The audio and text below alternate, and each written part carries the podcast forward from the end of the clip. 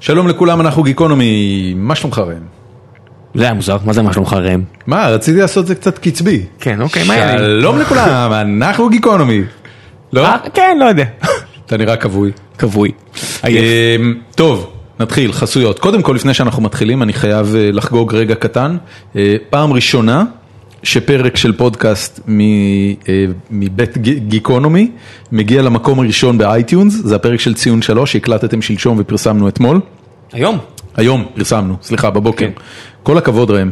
אני חושב שהפרק שלנו עם עומר מואב גם היה מקום ראשון? לא. לא? לא, לא, לא כפרק, הוא היה מקום שני כפרק, אבל הוא לא היה מקום ראשון. פעם ראשונה שפרק של משהו שאנחנו יצרנו בגיקונומי, הגיע לראש רשימת הפרקים באייטיונס, זה רגע חגיגי. מגניב לאללה, אני מבסוט. ב- ממש בצדק לא, ממש. מבסוט, הולי שיט כן, בצדק כן, כן, מבסוט. זה מגניב לאללה. זהו, אם לא שמעתם עדיין את הפרק של אה, ציון שלוש, אז אתם מוזמנים, וכמובן נזכיר שגם יש לנו עוד פודקאסט אחד שאנחנו מפיקים, שנקרא פודקאסט. אה, אתם יכולים לחפש אותו בפייסבוק וללכת לאתר שהוא, דרך אגב, www.podcast.co.il, אם אנחנו נמצאים על אייטיונס ישראל, שלושתנו נמצאים כזה ב-20 הראשונים. פנטסטי, כן. אבל זה כבר קבוע. נכון. אה, זהו, חוץ מזה, יש לנו חסות לפרק הזה, החברים הטובים שלנו בפלייבאז, אה, מחפשים עובדים. עכשיו, מה זה אומר שמחפשים עובדים? מחפשים Web Developers, מפתחי ווב. מנוסים, לא מנוסים, כולם. מנוסים, לא מנוסים, מוכשרים עם פוטנציאל, אה, כל מי ש... רוצה לעבוד. וזו חברה מה זה מגניבה, ויש להם משרדים סופר מגניבים מעל שרונה, שבו אנחנו מקליטים, וכל מה שיש לנו להגיד זה שאם... והם עוזרים לנו מאוד כבר הרבה שנים. לא, לא, זה אנשים מעולים, זה אנשים מעולים. כיף לעבוד איתם וכיף גם לעבוד על המוצר הזה, זה בסך הכל מוצר שעושה רק דברים טובים, כמו לבזבז זמן לאנשים.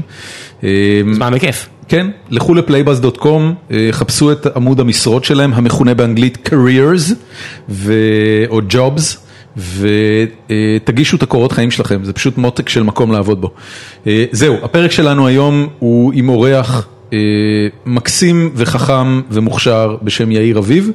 אה, הוא המקים של עמותת קאנה, אחד מהמייסדים של עמותת קאנה, אה, העמותה לשימוש אחראי בקנאביס, והוא, אה, יש לו סיפור חיים מאוד מעניין, אה, יש לו שתי חנויות של רשת שנקראת הידרושופ, שזה חנות, חנויות לגידולים חקלאיים ביתיים, נקרא לזה ככה, ותבינו מזה מה שאתם רוצים, והפרק אה, פשוט כולו אה, הולך לעסוק בקנאביס, בנושאים החוקיים שקשורים אליו, בנושאים הרפואיים שקשורים אליו. אה, ניסינו לשאול את כל השאלות. אה, ה- הלא חוקיות והלא פוליטיקלי קורקטיות שאפשר לשאול בנושא הזה, ואני מקווה שזה יהיה לכם מאוד מעניין, אז שתהיה לכם האזנה נעימה.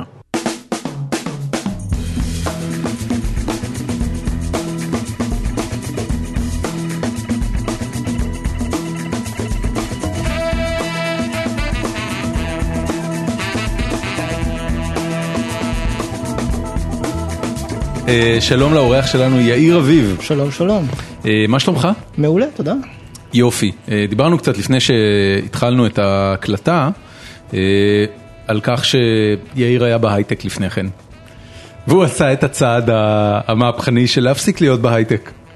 אה, אבל אני, אני רוצה שאתה תספר על זה. גם אני הפסקתי, הלכתי לבנק. לא, אתה בהייטק. נכון. אתה מרוויח משכורת של הייטק, עובד שעות נכון. של הייטק, כן, כן. והעתיד שלך הוא עתיד של הייטק. לוט בערפל. כן. אבל מה, אתה, קודם כל, ב, ב, מה למדת, באיזה הייטק היית?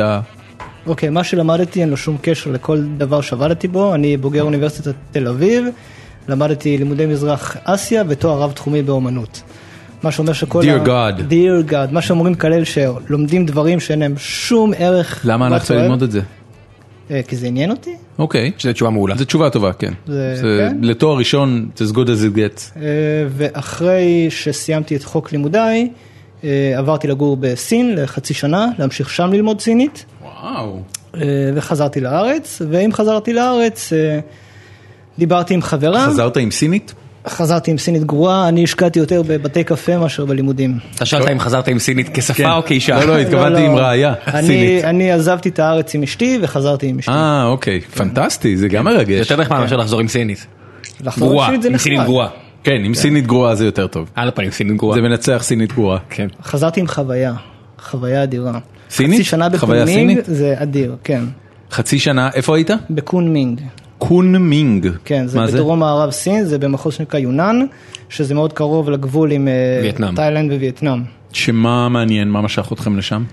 המזג אוויר בתור התחלה, כי סין זה מקום עצום עם מזג אוויר מחורבן all over, חוץ ממחוז יונן, אז אה, לי זה מאוד חשוב מזג אוויר, אני לא מסתדר עם קור בכלל. ועוד דבר שמעניין שם זה שיש שם אה, המון מיעוטים, זה לא רק בני האן, שזה הסינים שכולם מכירים, אלא יש שם תאילנדים ודאי ובאי וכל מיני מיעוטים אתניים. אה, ולמה זה טוב? כי יש שם יותר מגוון של תרבויות, יש שם אוכל הרבה יותר מעניין, זה מאוד מאוד רחוק מה, מהשלטון המרכזי בבייג'ינג, אז מאוד מאוד משוחרר שם. אה, זה נ- מגיע למצב שאנשים הסתובבו שם עם חולצות של פרי טיבט וכאלה, מה שלא היה קורה במקומות אחרים בסין. הבנתי. מהפכני קצת. מהפכני קצת, מקום... יש מגניב לזה לגמרי. אנלוגיה נגיד, ב... טוב האמת שאין אין קומוניזם דיקטטורי במערב כל כך. רציתי לשאול אם יש איזה אנלוגיה לזה במקומות אחרים. אבל אולי לא. אוסטין בטקסס? אתה יודע, מקומות שהם כל כך שונים משאר הסטייט? כן. בכלל מדינות הדרום יש להם, אה, יש להם את הלגאסי שלהם, הם עוד לא לגמרי ויתרו. כן. לא. לא עד הסוף. י- יש את ה- יש את הדגל של בדיוק. הקונפדרציה על חלק יש את מבני ה- הממשל. ה-Confederate flag עוד כן. איפשהו שם, הם מחזיקים אותו בבוידם. כן, הם מסתכלים על אנשים שחורים וקורצים להם, חכו. זמנכם כן, מגיע. אם אם טראמפ נבחר, חברים. כן. We'll make America great again. כן. again. again. אוקיי, אז הייתם בסין חצי שנה, חזרתם לארץ? אה, ואז אה, התחלתי קצת אה, לחפש את עצמי, מה אני עושה הלאה, וחברה התקשרה ואמרה שהיא התחילה לעבוד באיזשהו מקום, שזה מקום קטן שמתעסק במכירה של מוצרים באינטרנט, ומה שמגניב פה זה שהוא כזה קטן, שאם אתה רוצה לעשות משהו... אתה עושה כזה תנועות גוף של פקצה בזמן שאתה... כן. זה- היא הייתה- היא הייתה פקצה? לא, החברה היא לא שלך? פקציה, היא בחורה מגניבה לגמרי. אז למה? אה, איזה- איזה- איזה סטיגמה זאת. אולי מקום הסטיגמה מגניב, אצלך. מקום מגניב, כן, הוא הזיז- מעט הוא הזיז את עובדים. הכתפיים, הוא הזיז את הכתפיים, נכון, משהו היה פה כזה. משהו טיפה. כן. אה, אוקיי. אז, אה, אז היא אמרה שזה מקום שכזה מגניב, ואם אתה רוצה לעשות משהו אתה צריך לעשות אותו בעצמך, כי אף אחד לא יעשה בשבילך כלום. Challenge accepted, אוקיי. אה, קיבלתי את העבודה להיות אה, מנהל שיווק בחברת אה, e-commerce קטנה, והחברה הזאת אה, גדלה וגדלה וגדלה וגדלה, וכן, מגניב. ובאיזשהו שלב החלטתי נשבר לך. שאני רוצה לצאת כמה- החוצה. כמה בילית בגדודי האי-קומרס? חמש שנים. חמש שנים. באי-קומרס. חמש שנים באי-קומרס. אנחנו זה לא... אנחנו כמעט אותו מספר שנים בתחום שהוא, אומרים עליו שהוא אי-קומרס, אבל הוא לא. לא. לא, נכון? אתם הייתם הייטק. לא, לא, לא, לא. היינו בקלאסיפייד. היינו בקלאסיפייד, זה הסטארט-אפ שלנו, Happy Sale, הוא לוח אה, מודעות, כן, לוח אפליקציית מודעות, לוחות מודעות. זה לא אי-קומרס. אה, לא, זה לא, זה, רצינו שזה יגיע בסוף לאי-קומרס, אבל היום זה עדיין לא. זה כן. כאילו נגזרת, זה החלק של הפרסום מודעות בלבד. זה האח המפגר של כן. אי-קומרס. אני אומר, אם, אם אתה אורז מוצרים, שם אותם במעטפה ושולח אותם, אתה באי-קומרס. כן. אם אתה לא אורז מוצרים, אתה בהייטק. אה, אז אני יכול להגיד לך שאם אתה לא אורז מוצרים, אתה יכול להיות במדיה, ואתה יכול להיות ב- בהרבה כן. דברים, בתוכן. לא, הוא אומר, אם- אם- רחמנא אם אתה- ליצלן. אם אתה מקודד ואתה לא אורז מוצרים. כן. בקיצור, אז, אה, אז חמש שנים, ומה קרה? מה קרה? Uh, התחילה, התחלתי להיות יותר מעורב אה, פוליטית, uh, זה התחיל ב-2013 אם אני זוכר נכון. עם המחאה. ה- היה את המחאה ואז הייתה הריצה של הכנסת של עלי ירוק עם התנועה הליברלית, אוקיי. ואז אני נחשפתי לתנועה הליברלית, אני בכלל לא הייתי מודע לכל לא העניין הזה. ידעת שיש ליברלים? לא ידעתי שיש ליברלים, לא ידעתי שיש דבר כזה קפיטליזם כ- שהוא לא מילת גנאי בעצם. וואלה. כן. אוקיי. ו- ו- ואתה פתאום מתחיל ללמוד וכל ההלה קפיטליזם וכל החולצות שגבר האלה וכל זה אתה מבין שוואלה זה לא ממש לעניין הדבר הזה. לא ממש לעניין. כן. אני גיליתי משהו אחד ומיד פסלתי את האחר. כן. תשמע, צ'ה גווארה היה בחור אכזרי. בחור אכזרי מאוד. אף כן. אחד לא יגיד שלא. והיום ב- אתה יודע במצעד הגאווה אתה תראה אנשים לובשים חולצות של צ'ה גווארה.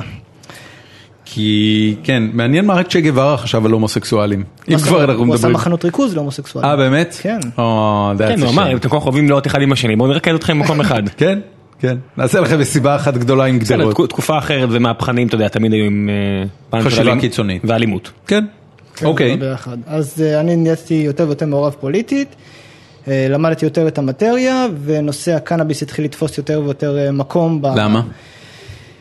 למה? כאילו איך מקפיטליזם ליברלי אתה מגיע לקנאביס אה, בקפיצה אחת? בתור התחלה זה הפוך, אני הגעתי מקנאב- מקנאביס לליברליזם אה, ק- קפיטליסטי. בוא בוא נתחיל מהבייסיקס. מתי עישנת ג'וינט פעם ראשונה?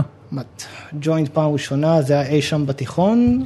מה זה בתיכון? למה- גדלת בתל אביב? לא, גדלתי באשקלון. אוקיי. ב- אז כיתה י"א, י"ב.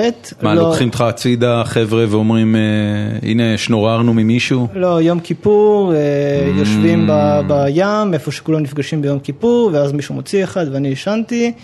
לא עשה איזשהו רושם אה, מרשים במיוחד, באמת שזה כאילו לא היה מעניין בכלל, אני העדפתי אלכוהול בהרבה. אוקיי. ו...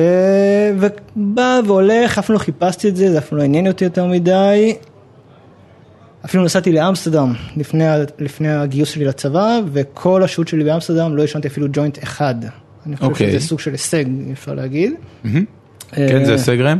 כן, אני כן, לא כן. הייתי באמסטרדם. אחרת מה- מה יש לעשות שם? כי זה מקום באמת משם. אה, אה, בית אנה פרנק, לא? שמענו, כן.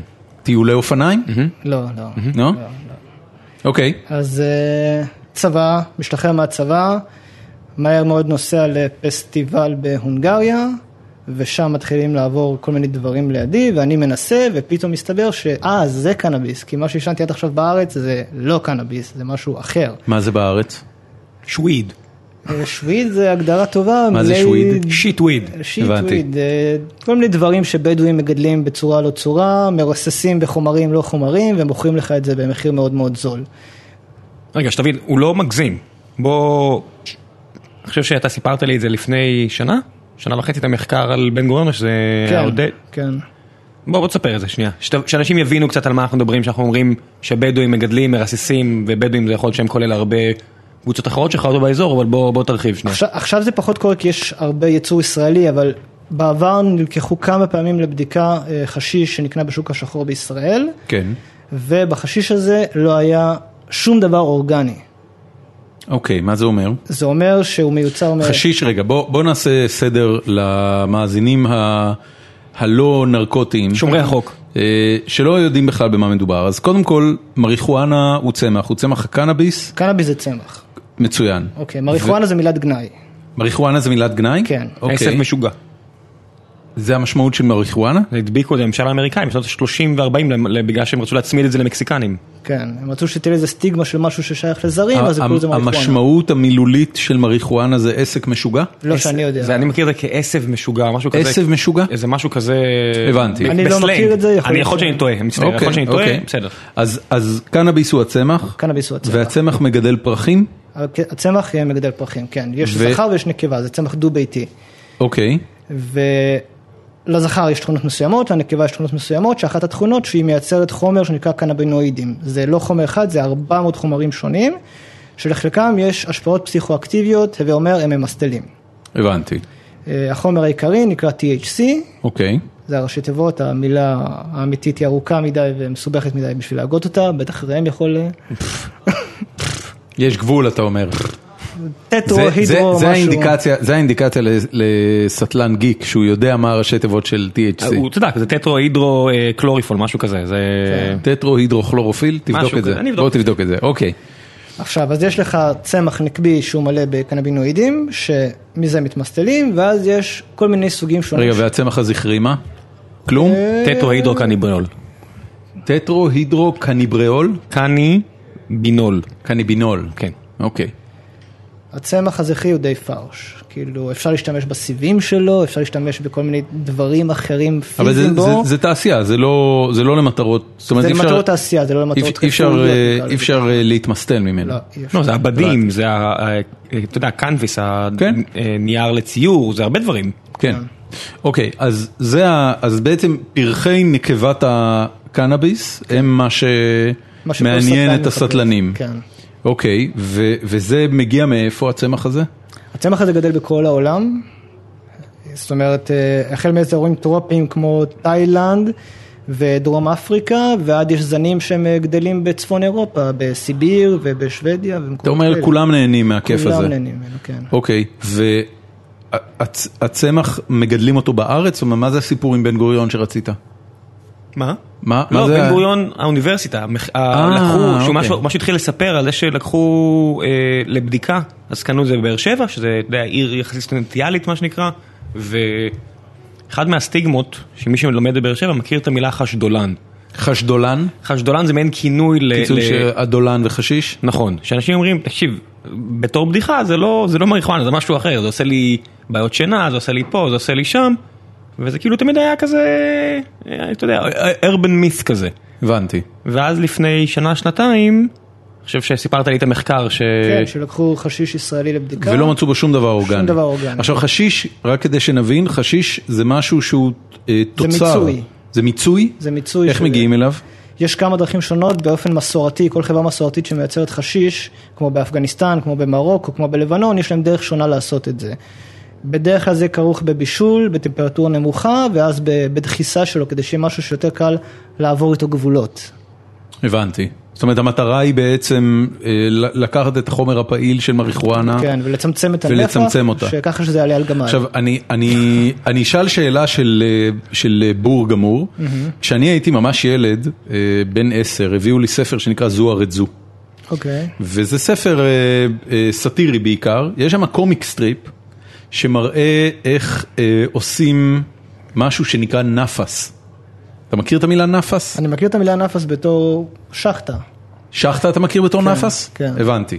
אז, אז שמה מתייחסים לנאפס בתור אה, משהו שנראה כמו אה, אצבעות שוקולד. אז זה חשיש. אוקיי, אז הם קראו לזה נאפס, ושמה זה מתואר שזה עשוי מפרגים.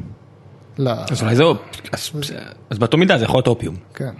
זאת אומרת, אם זה, אם זה עשוי מפרגים, אז אותו, אותו מוצר סופי שנראה כמו אצבעות שוקולד נקרא אופיום, ואם זה עשוי מחש, מגרס, זה נראה, זה, ממריחואנה זה אני לא נקרא כזה מכיר את חשיש. התעשייה שסביב האופיום, אבל יצא לי קצת להיות בלאוס, וראיתי שמה שהם עושים, הם פשוט לוקח, הם עושים שריטה בצמח פר- פרג, והאופיום זה פשוט החלב שנוזל החוצה, הוא לא צריך לעבור שום תהליך מעבר. לזה. לצורך העניין, אני אה, נניח ויצא לי לראות כאלה, זה- זה נראה מאוד דומה. האצבעות האלה. לא, תיקח אה, חתיכה של אה, חשיש, או חתיכה של אה, ג'ה- צ'רס, ג'רס ב- בצפון הודו, בהודו, או חתיכה מה זה של... ג'רס? תכף הוא יגיד, אבל וחתיכה של אה, אופיום, זה יראה מאוד דומה. אוקיי, מה זה ג'רס? ג'ארה זה החשיש שמיוצר בהודו, שיש עוד, תחו- יש עוד סיבה שעושים חשיש. הם קוראים לו ג'רס או הם שישראלים קוראים לו לזה ג'רס? הם קוראים לזה ג'ארס. אוקיי, ולמה קוראים לזה ג'רס? זה השם המקומי של זה בתור התחלה, ודבר שני, השיטה שבו הם עושים את זה, הם לוקחים את הפרחים הנקביים, והם פשוט אה, מעבירים את זה בין הידיים, וממוללים את זה. ואת השמן שמצטבר בידיים, הם אוספים, וה, והג'ארה זה בעצם שמן טהור של קנאביס. זה נחשב למוצר מאוד מאוד איכותי, ויקר גם. ואנשים שעושים את זה, אם תעלה למשל למלנה, או כל מיני כפרים כאלה בצפון הודו, הם קדושים, הם קדושים? חלקם. קודם כל זה נשמע כאילו הם קדושים, אבל השאלה זה גם דבר... הם רואים את עצמם אה, כקדושים. אוקיי, בוא נת... הם רואים את למה? עצמם... אוקיי. הם טוענים שהם, ה- שהם צאצאים של אלכסנדר מוקדון. החברה וזה- הספציפית וזה הופך במלנה. אותם לקדושים? אלכסנדר מוק- מוקדון היה חרא של בן אדם. תראה, באופן אה, מסורתי בעולם, כל חברה מוקצית, כמו יהודים למשל, הגדירו את עצמם כעם הנבחר. אוקיי. אז גם החבר'ה במלנה, שהם היו מוקצים ואף אחד לא רוצה הבנתי. שום קשר איתם, הפכו את עצמם לעם הנבחר של הודו. הבנתי, בעיני עצמם. אתה יודע, כן. גלימות, אל תצלם אותי, פן תיקח את נשמתי ואני צריך להרביץ לך, אתה יודע, כל מיני לא, לא, כאלה. לא להרביץ, אתה צריך לשלם כמה אלפי רופי, לשחוט עז, כדי שהאלוהים אה, יסלח לנו על מה אדם, שעשינו. כזה, עז, כזה. כזה. אבל אתה יודע, הם יושבים ואתה רואה אותם עושים את התנועה הזאת של היד של למצות את ה... את ה... מהפרחים את הג'רס, וזה ימים. ימים הם עושים את זה? לא, הם עושים את זה יחסית מהר, אבל אם בן אדם זר אם יבוא אתה תרצה וינסה, לעשות לעצמך זה מלא זמן. זה מיומנות, זה מיומנות. כן. מדהים. אוקיי, אז ב- באיזה נקודה התחלתי לשאול, באיזה, שנק- באיזה נקודה העסק של הקנאביס התחיל להיות מעניין מבחינתך? רגע, רק נחזור ל- לפני שאתה שואל, לעניין של הניסוי, למי שלא הבין, זאת אומרת שמה שהרבה אנשים בארץ שחושבים שמעשנים אה, קנאביס, הם לא. זה, זה נקודה שחשוב להדגיש. מה זאת אומרת הם לא מעשנים קנאביס? אתה מדבר על חשיש. אתה מדבר על על, חשיש, על התוצר, כן, לא על משהו כן. שהוא נראה כמו פרח. בוא, בוא לא, נגיד, לא, לא. עד, עד שאני הייתי בערך בין 23-24, הסתובב פה בארץ גראס בדואי, אוקיי? שזה פשוט היה נראה זוועה, זה היה עולה מ- מאוד זול, כאילו שקית של 50 גרם באיזה 100 שקל, אם אני זוכר את המחירים, וההשפעה של זה הייתה מאוד מאוד רעה. מה מאוד. אה. זה אומר רעה? זה אומר שהיית עושה ראש, היית כולך מאובן לחלוטין, ו... מה, מה זה בכלל השפעה רעה מול השפעה טובה? זאת אומרת, מה, על מה אנחנו מדברים פה? בוא, בוא רגע נ- נצלול לתוך העניין. ב- בוא נשאל אותך אחרת, אתה, אתה צרכת קנאביס בחייך? כן. כן? מה זה השפעה טובה מבחינתך? כאילו, ב- אז אני, אני יכול להגיד לך שאני לא היה לי אף פעם משהו שיכולתי להגדיר אותו כהשפעה רעה, משתי סיבות. קודם כל, אה, בפעמים שכן אה, עישנתי גראס, מה שנקרא גראס, אה, אני מעשן כמויות מאוד מאוד מאוד קטנות, כי יש לזה השפעה מאוד חזקה עליי. אה, אני לא... אה, לא, לא- לא יודע מאיזה סיבות, אבל זה לא, אני, אני, אני לא אמצא את עצמי מגיע למקומות שאני, וואו, שכחתי את עצמי, התעוררתי בתוך אה, פח זבל איפשהו בפינת רחוב. זה לא, אני לא מגיע למק, למקומות האלה. כן.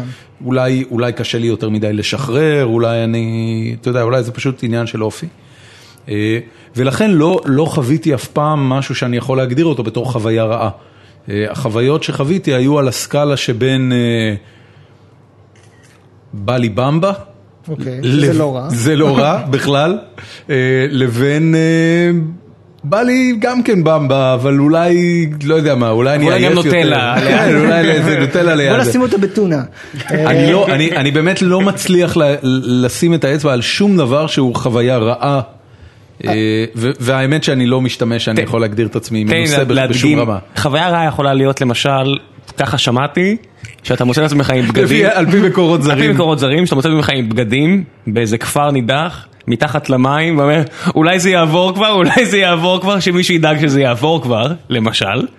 וחוויה רעה גם יכולה להיות ש... רגע, רגע, אבל אה, אה, כש- כשאתה נמצא בסיטואציה הזאת, מה אתה חווה? מה אתה מה אתה רוצה חושב? שיעבור? מה אתה חושב? ממקורות אתה- אתה זרים. מפחד שאתה הולך למות? אה, מקורות זרים אתה מוסרים... אתה מבוהל ממשהו שקורה סביבך? אתה רואה צבעים? לא, לא, לא, המציאות לא, אין- מתעוותת? אין- מה- אין- מה- מה זה? לא, אתה פשוט מפחד שזה לא יעבור. שמה לא יעבור? הת- התחושה של של מה? של I'm retarded, I smoked myself retarded וזה לא עובר. אני, אני אגיד לך מה, הרבה פעמים אה, הדבר הזה יגיע, זה שוב, זו התחושה הרעה של פשוט, וויד מעורר פרנויות, הוא פשוט מחדד את התחושה, הכל מוקצן, אז אם אתה קצת, יש לך את הנטייה לזה, זה יכול להגיע. ווויד, אה, קנאביס, אם אתה מעכל אותו, זה חומר אחר לגמרי. נעכל אותו, כלומר, כן. צורך אותו דרך כן. שמבחינתי עקיבה. פה מתחילה הבעיה, כי אם אני יכול לדבר על חוויות רעות, זה היה רק דרך אכילה. אז נכון, אז זה מה שאמרתי, אז גם אני פתחתי ואמרתי, יש חוויות רעות כאלה, שזה פשוט ההשפעה של קנאביס שמגיעות לך אולי חזק מדי, אולי אה, אתה לא הסתדרת עם זה פסיכולוגית, כל מיני כאלה. מצד שני, חוויות רעות יכולות להיות שצרכת משהו שהוא לא קנאביס, כמו שבמקומות כמו ישראל, שזה לא חוקי, אז עבריינים... ואז מה יקרה? מה אתה- חילות, כאבי ראש, אה, הבנתי. חוסר, אה, חוסר תיאבון, חוסר יכולת לישון, כמו, אתה יודע, כמו שאתה רואה, בס- שאתה שומע על, ס- על סמים רעים, מחלה, מה שאתה מתאר זה, סים- זה תסמינים של לגמרי, מחלה, לגמרי. של שפעת, של, של כן. דברים כאלה, של זה- קלקול זה- קיבה. זה, זה חוויה רעה שהיא לא קנאביס. קנאביס, הצמח לא יעשה לך את הבנתי, הדברים אז האלה. הפ- באמת שאף פעם לא הייתה לי חוויה רעה. אז, אז למשל, כמו שהוא אמר, חוויות רעות שלי קרו בחיים זה מאחת משתי סיבות, או שזה לא היה קנאביס בוודאות, זה לא היה קנאביס, זה לא דברים שחוויתי עם חומרים מאוד חזקים באמסטרדם, לא ישבתי מול קיר שפתאום נהיה ירוק ונראו בו פרצופים, לא קרה. קיר שנהיה ירוק ואתה כן, רואה בו פרצופים, ואני רואה ואת זה בפרצופים. חווית... על אה, חשיש בדואי אי שם בשנות ה... ו- סוף שנות ואתה התשעים. יודע היום ממ- ממרום אה, השכלתך הנרקוטית, אתה יודע להגיד מה יכול להיות היה המרכיב שגרם לזה? זאת אומרת, כן, איזשהו חומר ש... תראה, הבדואים, כמו שדיברנו קודם על זכר ונקבה בצמח הקנאביס, כן. הבדואים לא מפרידים בין המינים. וכשאתה היית קונה גראס בדואי, הוא היה מגיע מלא בחול וזרעים. לדבר הזה, בהגדרה, אין חומרים פעילים. על מנת שאנשים ש- ימשיכו לקנות את זה, הם היו מרססים את זה במיני חומרים שאתה לא יודע מה הם, כדי שתהיה איזושהי השפעה פסיכואקטיבית. תשים על זה K300, תהיה לזה השפעה פסיכואקטיבית. הבנתי. אה, אז... זאת אומרת, זה זה פשוט יכול להיות היה גז עצבים, כלשהו. כל דבר. חומר זה, הדברה. זה טרור דרך גראס, זה מה שהיה שם. אם, אתה יודע, אתה שמעת פעם את השם מיסטר נייס גאי? סמי פיצוציות? כן, סמי הרבה פעמים פיצוציות, נייס גאי אני מכיר. אז בתל אביב סמי פיצוציות זה תמיד אה, לוקחים איזשהו כימיקל, שהוא כרגע מחוץ לפקודת הסמים. מרססים אותו על צמח, מוכרים אותו בשגיות קטנות, או לא יודע מה שעושים שם באלנבי, בפ- במקומות האלה.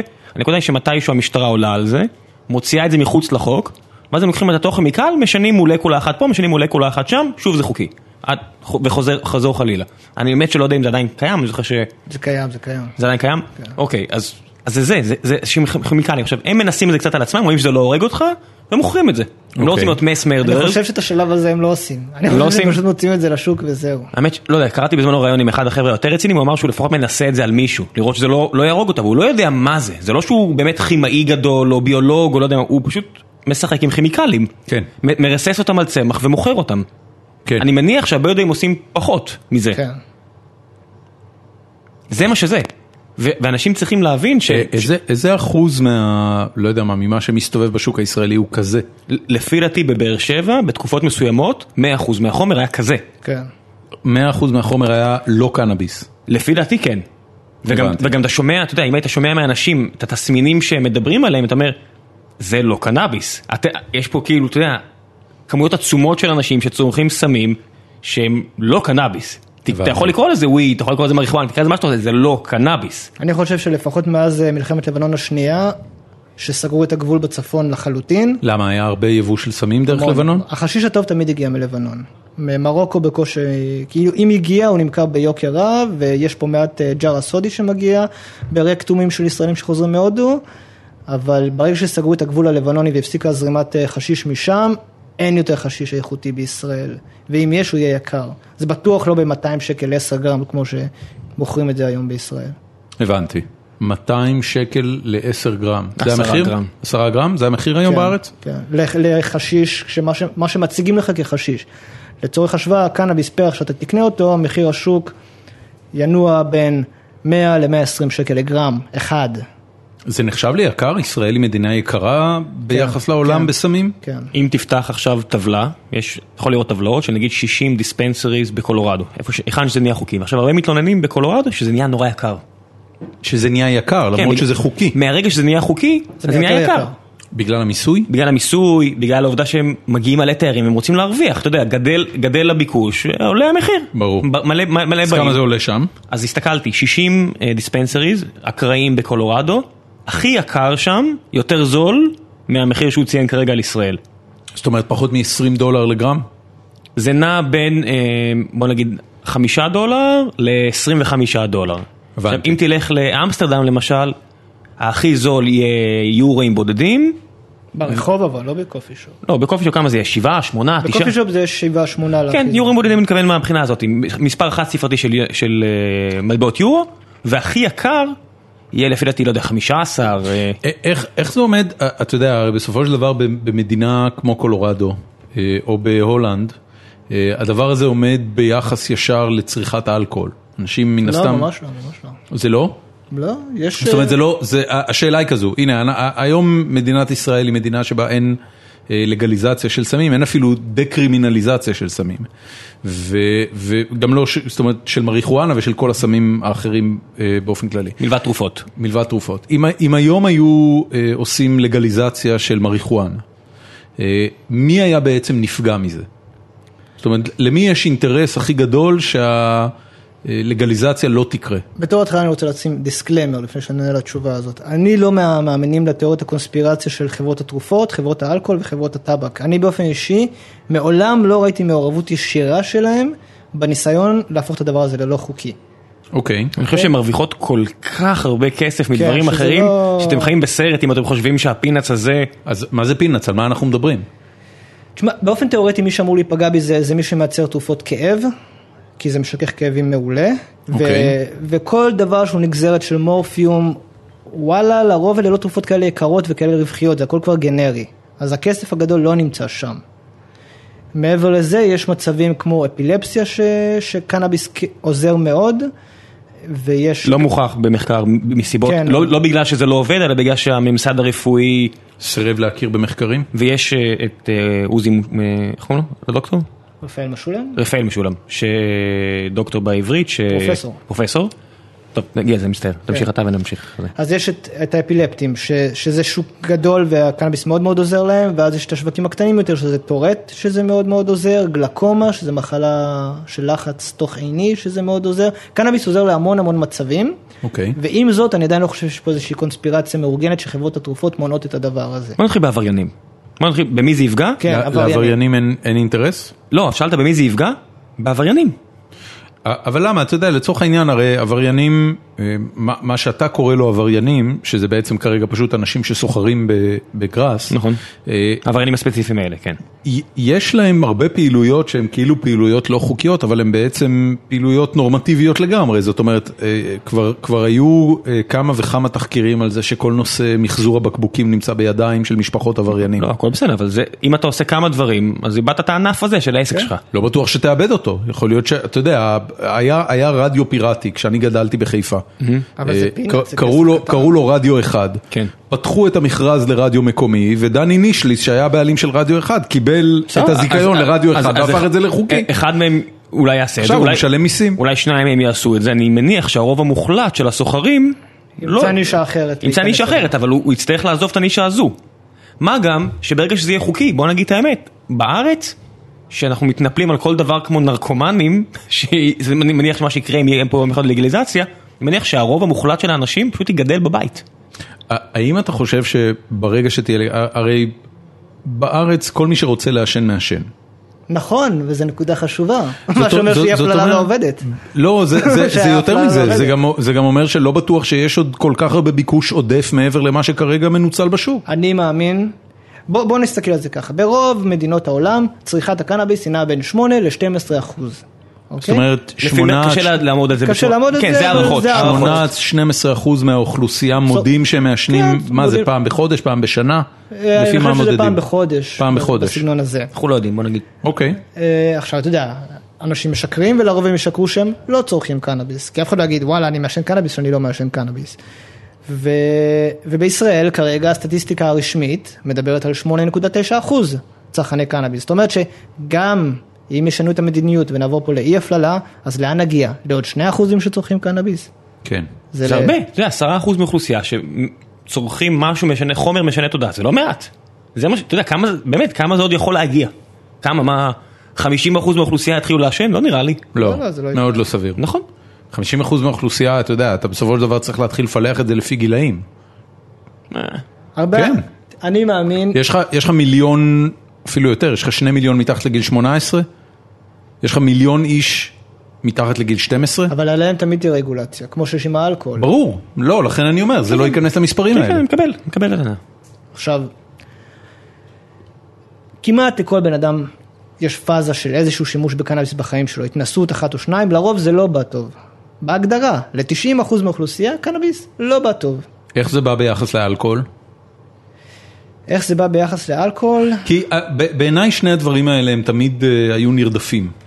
זאת אומרת, בסופו, בסופו של דבר, אני, אה, אתמול הייתה, אתמול או שלשום, אה, הייתה כתבה בחדשות ערוץ 2 על החבר'ה הצעירים שטסים לחופשות באי הנאפה.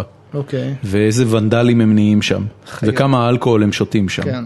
והסתכלתי על החבר'ה האלה, אתה יודע, בסופו של דבר זה חבר'ה צעירים, היית לוקח להם את כל הוודקות מהיד, ושם ג'וינטים במקום, והיית מקבל כנראה, א', הם היו צורכים את זה באותה כמות שהם צורכים אלכוהול, וכנראה שהיית מקבל הרבה פחות אלימות. הרבה לפני זה הם היו נרדמים.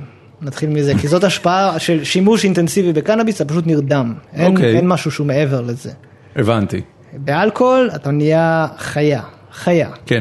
מע- מעטים האנשים שזה לא מגביר אצלם יצר, אה, לא יודע מה, לא יודעים אלים, אבל כן אה, ערני מוגבר. כן. אלכוהול, נכון? אלכוהול הוא סם ממריץ? אלכוהול הוא לא סם ממריץ. אני חושב שהוא סם מדכא נחשב, אבל, כן. אה, אבל בגלל שאתה כולך מטושטש וזה זה משחרר אגרסיות, זה, זה מאוד, זה גורם לך להיות מאוד אגרסיבי. אני חושב שהעניין הוא שבדרך כלל אה, אה, חבר'ה צעירים צורכים אלכוהול ביחד עם הרבה סוכר. והורמונים. אה, והורמונים. והורמונים. כן, יכול להיות שזה אדוני, מפריע. צרכת- צרכת הרבה טסטוסטרון עם הוודקה הזו? כן. אבל תחשוב שלאלכוהול יש לך חיווט מגיל מאוד מאוד צעיר, כי זה די מקובל שאבא ייתן לילד שלו לשתות בירה. או ישתה שהוא לידו. מתחת לבירה, או שהוא ישתה לידו. כן, אתה יודע, מה זה, אנחנו נותנים לתינוקות. כאילו אתה לא תזכור את הפעם הראשונה אנחנו ששתית רוצים- בירה. סליחה אדוני, אנחנו צריכים לחתוך לך את הזין, קח יין בבקשה. זה- זה- זה- זה טרייד נחמד. כן. קבל- קבל את היין הזה, הופ. כן, כי אם אבא היה עושה, אם אבא היה עושה ראש, הוא אומר, אחי, אני לא נגע לה בבולבול. אני לא רואה את הסיבה לסיפור הזה. נו, מן. הפאניקה, אני, אני לא מתאר לעצמי סכין לקרב לשם, זה לא הולך לקרות. אתה אתה אומר, כל מי שבעד ביטול ברית מילה, הדבר הכי טוב שיכול לעשות זה לגליזציה. כן, לגמרי. מה לחתוך? הגענו עזוב, לפה? שמונה ימים, בוא ניתן לזה אני חודש. בכלל חילוני, מה אתה בכלל עם כיפה עושה בבית שלי, אני לא יודע. עזוב אותך אחי. אז הנה, אז אולי הנה עוד בעיה, שאלת למי זה יפגע? זה כמו, אתה יודע, פתאום יש לך כל מיני, chain reaction. אתה יודע, כן, אתה פתאום אומר, "אה, מה, בנקים? אחי. מה, תגיד, אתה יודע, אבל, אבל רגע, אני רוצה שנייה, יאיר, לחזור אליך. מה, מה, מה היה הסיפור שלך? כאילו, באיזה נקודה קנאביס הפך להיות משמעותי? ב- אחרי הצבא כשנס... אה, כשהתחלתי לטייל קצת בעולם ואז נחשפתי לקנאביס איכותי והתחלתי ליהנות ממנו ואז ראיתי שזה פותר לי בעיה מאוד רצינית שאני סובל ממנה שזה בעוד שינה אז אה, אתה סובל מבעיות שינה? כן. מה זה אומר? אתה לא ישן? מגיל מאוד מאז שאני זוכר את עצמי קשה לי מאוד להירדם. כי? חרד? מחשבות רצות לא, שום חרדה הכל בסדר כאילו זה, זה מחשבות שהן נורמטיביות לחלוטין אבל לכל בן אדם נורמלי מגיע 12 בלילה הוא נרדם אצלי זה יכול להימשך עד 4 לפנות בוקר. אני, כל הילדות שלי היה לי קשה להירדם. גם אתה אבנורמל. כן. ה- הייתי שוכב במיטה, ו... ומדמיין מוות. הייתי מדמיין אה, מוות. אז אנחנו מסכימים שזה אבנורמל. כן, לא, זה... אתה רק זה- חופר זה את זה. מדמיין מוות, את עצמך מת וכאלה? כן, היה לי, היה לי מין, אמ, זה, זה, זה תחושה מאוד ספציפית, שאני אני יכול להגדיר אותה רק בתור אה, אה, בעתת מוות. זאת אומרת, זה מין, אה, זה כבר לא קורה לי, מאז שנולדו לי ילדים, אוקיי. גם ילדים מביאים איתם עייפות אדירה, וגם יש משהו מאוד מנחם בזה שילדים נולדים, אז המוות כבר הרבה פחות אני, אני מפריע. חושב שהפעם הראשונה שחשבתי על מוות בחיים שלי זה שנולד לי הבן. כי עד לא, אז כאילו- אני, אני אומר לך, אני התעסקתי במוות מגיל מאוד מאוד צעיר, זה העסיק אותי מאוד, אבל ה- התחושה הזאת היא בעצם מין רגע מזוקק של תודעה, שאתה מבין שיום אחד כל זה הולך להיגמר, וואו. ואתה לא תהיה קיים יותר. אתה היית צריך יאוזה, להיחשף- יאוזה. אתה היית לא צריך להיחשף לקנאביס בגיל הרבה יותר לא, אז צעיר. אתה- כן, אתה- מתחיל אתה לשאוף מבין? עליך. זה- זה- זה הפך אצלי למשהו שהוא היה, איבדתי אותו, בעין. אני זאת אומרת, שמח שאני לא I שם. wor- I worked it out. אני הרבה יותר אבל אתה זוכר אומר זה אותי- לא זה, סתם שכבת במיטה. אני זוכר את עצמי משווה אלבומים אחד לשני, או מנסה לחשוב אם האלבום הזה יותר טוב מהאלבום הזה. אלבום מוזיקה. כן, של מוזיקה. זאת אומרת, סתם היית ער. סתם הייתי, פשוט... נדנודי שינה מה כן. שקוראים לו. כן. ו- ו- וגראס פשוט הרדים אותך? כן, אז אני זוכר איזה סשן שאנחנו יושבים בהונגריה סביב מדורה, כולם צוחקים, הכל סבבה, הכל טוב ויפה, ואני יודע שעוד מעט הקטע שכולם הולכים לישון ואני הולך להישאר פה עד 4 לפנות בוקר, ואני פורש לאוהל, ואני קם ב-8 בבוקר, וואו, אני ישנתי, איזה מגניב, איזה כיף. כאילו. גדול. זה עובד, כן? כן. וזהו, וזה, וזה הרעתך האסימון. ואז ירד לי האסימון שהדבר הזה טוב לי. ומאז צרכן קבוע? לא, היו הפסקות פה ושם, למשל אה, בסין, חצי שנה שגרתי שם, לא צרכתי קנאביס. ואיך ישנת בלילה? אה, טוב, דווקא טוב, כאילו אין שום סטרס, אין שום דבר, החיים שלך מאוד רגועים ואתה זז מצד הבנתי. לצד, אז אתה ישן כמו שצריך, הבנתי. כן. ו- ובאיזושהי נקודה אתה החלטת לקחת ולעשות מזה משהו שהוא יותר מזה, זאת אומרת, אתה יודע, אתה לא... אה, אה, אני מכיר הרבה אנשים שגראס אה, הוא חלק מסוים מהחיים שלהם, כן. אבל, אה, אבל לא כולם לוקחים את זה למקום של אה, עמותה פוליטית, של אה, רשת לציוד אה, כן. אה, חקלאי, דברים שהם כאילו יותר ב... אז- אתה יודע, מ- ממצבים אותך יותר הארדקור. אז פה דווקא הנושא, מה שעשה פה את השינוי מבחינתי זה דווקא לא הקנאביס, זה המשטרה. אוקיי. כי במסגרת ההתעסקות שלי בקנאביס, בניסיונות של רכישה ובניסיונות של שינוע ממקום למקום, אז מגיע המצב שאתה מתחיל להתקל בשוטרים, ויש אלימות, ויש חיפושים. אלימות מצד שוטרים? מצד שוטרים, כן. איפה זה קרה פעם ראשונה? פעם, פעם ראשונה שאני חוויתי חוויה לא נעימה מהבחינה הזאת, זה לא היה שוטר, זה היה בכניסה לישראל בחזור מהודו. שאני אוקיי. עברתי חיפוש פולשני שנמשך שעתיים. שעתיים? כן, מה בכניסה. זה אומר פולשני? אצבעות? אה, לא, לשמחתי הרבה לא. זה לא היה אה, חילול פתחי גוף. זה לא היה חילוף פתחי גוף, אבל כן הורדתי את המכנסיים, והוא כן אה, מישש אה, מקרוב, והוא פתח כל דבר שהיה בתיק שלי. הוא היה נבוך לעשות את זה? לא, נראה שהוא, זה בשבילו, זה יום בעבודה. כן, לא, אין לו שום בעיה. היה לו חומר ל- היה לו חומר לאחרי זה. אתה אתה אומר, היית צריך לראות את מי הוא משש לפניך. כן, זה- אתה היית שדרוג. עכשיו, הקטע שהכי הפתיע אותי זה שכאילו הוא חיפש בכיסים קטנטנים, שאתה אומר לעצמך, אוקיי, אם הוא מוצא פה משהו זה ברמת הגרם, כאילו אנחנו משקיעים פה המון אנרגיה בלמצוא משהו שאולי שכחתי בתיק, לא משהו שהוא מעבר לזה. אוקיי. וזה נראה לי פסיכי, אני לא סוחר, אני לא מבריח, למה אתה מחפש עליי ככה? למה באמת הוא חיפש? שאלת אותו? אני אגיד לך למה הוא חיפש, כי אני חזרתי דרך אה, אוזבקיסטן איירווייז. וכשאני, היה טיסה, עצרנו בטשקנט, ואז בטשקנט עליתי על טיסה לישראל. ובטיסה לישראל זה היינו אני, חבר, ומלא פועלים זרים סינים. ואיך שזה קרה, היה לי ברור שהם לא הולכים להתעסק עם הסינים, הם הולכים להתעסק עם שני המוזרים שחזרו מהודו, והיה לי ברור שאני הולך לעשות לעזור טיסה דרך תשקנט. כן. למה זה- זה משהו שהוא חריג מבחינה ביטחונית? זה נראה חשוד? הם צריכים להעביר משמרת איכשהו. ועם הסינים הם- אין להם מה לחפש, אז הם יחפשו עליי. ות- הבנתי. ותמיד יכול להיות שאתה יודע, יש להם איזשהו מערכת BI, אני לא יודע אם זה באמת ממוחשב אוטומטי, אבל יכול להיות ש... הרי- לא, ב- כנראה שקפצת כחריג. כן, סביר להניח. שנינו, דרך אגב, את החבר שלי שהיה איתי חיפשו גם עליו, אבל אותו שחררו אותו חצי שעה. למה? פחות ג'ינג'י. פחות ג'ינג'י, יותר אה, הוא היה אקדמאי וכל זה, אני עדיין לא הייתי, אז אה, זאת אומרת, עשו לך פרופיילינג. כן. פתאום אתה אומר, אז ככה הערבים מרגישים. ו- ומה חשבת כשזה קרה? זה עצבן אותי בעיקר, זה ממש עצבן אותי, כאילו אתה מעכב אותי על שטות, במיוחד על הקטע שאתה וואלה, אתה לא מצאת שום דבר גדול ואתה נכנס לקטנות, זה מיותר לגמרי, זה ממש זה, עצבן אותי. זה לא כאילו הפחיד אותך ברמה של שייקח כמה שייקח, שיעבור כמה שיעבור, רק לא, שתשתחרר לא, מזה? לא. ממש כעסת? ממש עצבן אותי, כן. וכשיצאת מה עשית? כשיצאתי, יצאתי כולי עצבני, אחותי הייתה בנמל תעופה, ואמרתי לה, כאילו, זה מה שעברתי פה עכשיו, וזה, כאילו, מה, מה לעזאזל קורה פה? זה פשוט מטורף הדבר הזה. כן. את כאילו, אתם לא מתעסקים פה בעבריין, לכל דבר, לא היה לי שום רישום פלילי, שום דבר, לא הייתה שום סיבה לעשות את הדבר הזה. מה, אתה יודע, אני יכול לש, לשאול אותך שאלת נגד, mm-hmm. הרי בסופו של דבר עבור חלק לא מבוטל מהעבריינים, הפעם הראשונה שתופסים אותם היא פעם ראשונה, לא היה להם שום רישום פלילי לפני זה, ולא לא היה... הוא חלק מהם הפעם הראשונה שתופסים אותם הפעם הראשונה? כן, זה משפט גדול. כן, זה משפט גדול, היא הפעם הראשונה במובן הזה שבאמת אין שום דבר לפני זה, זאת אומרת, במה הם שונים ממנו?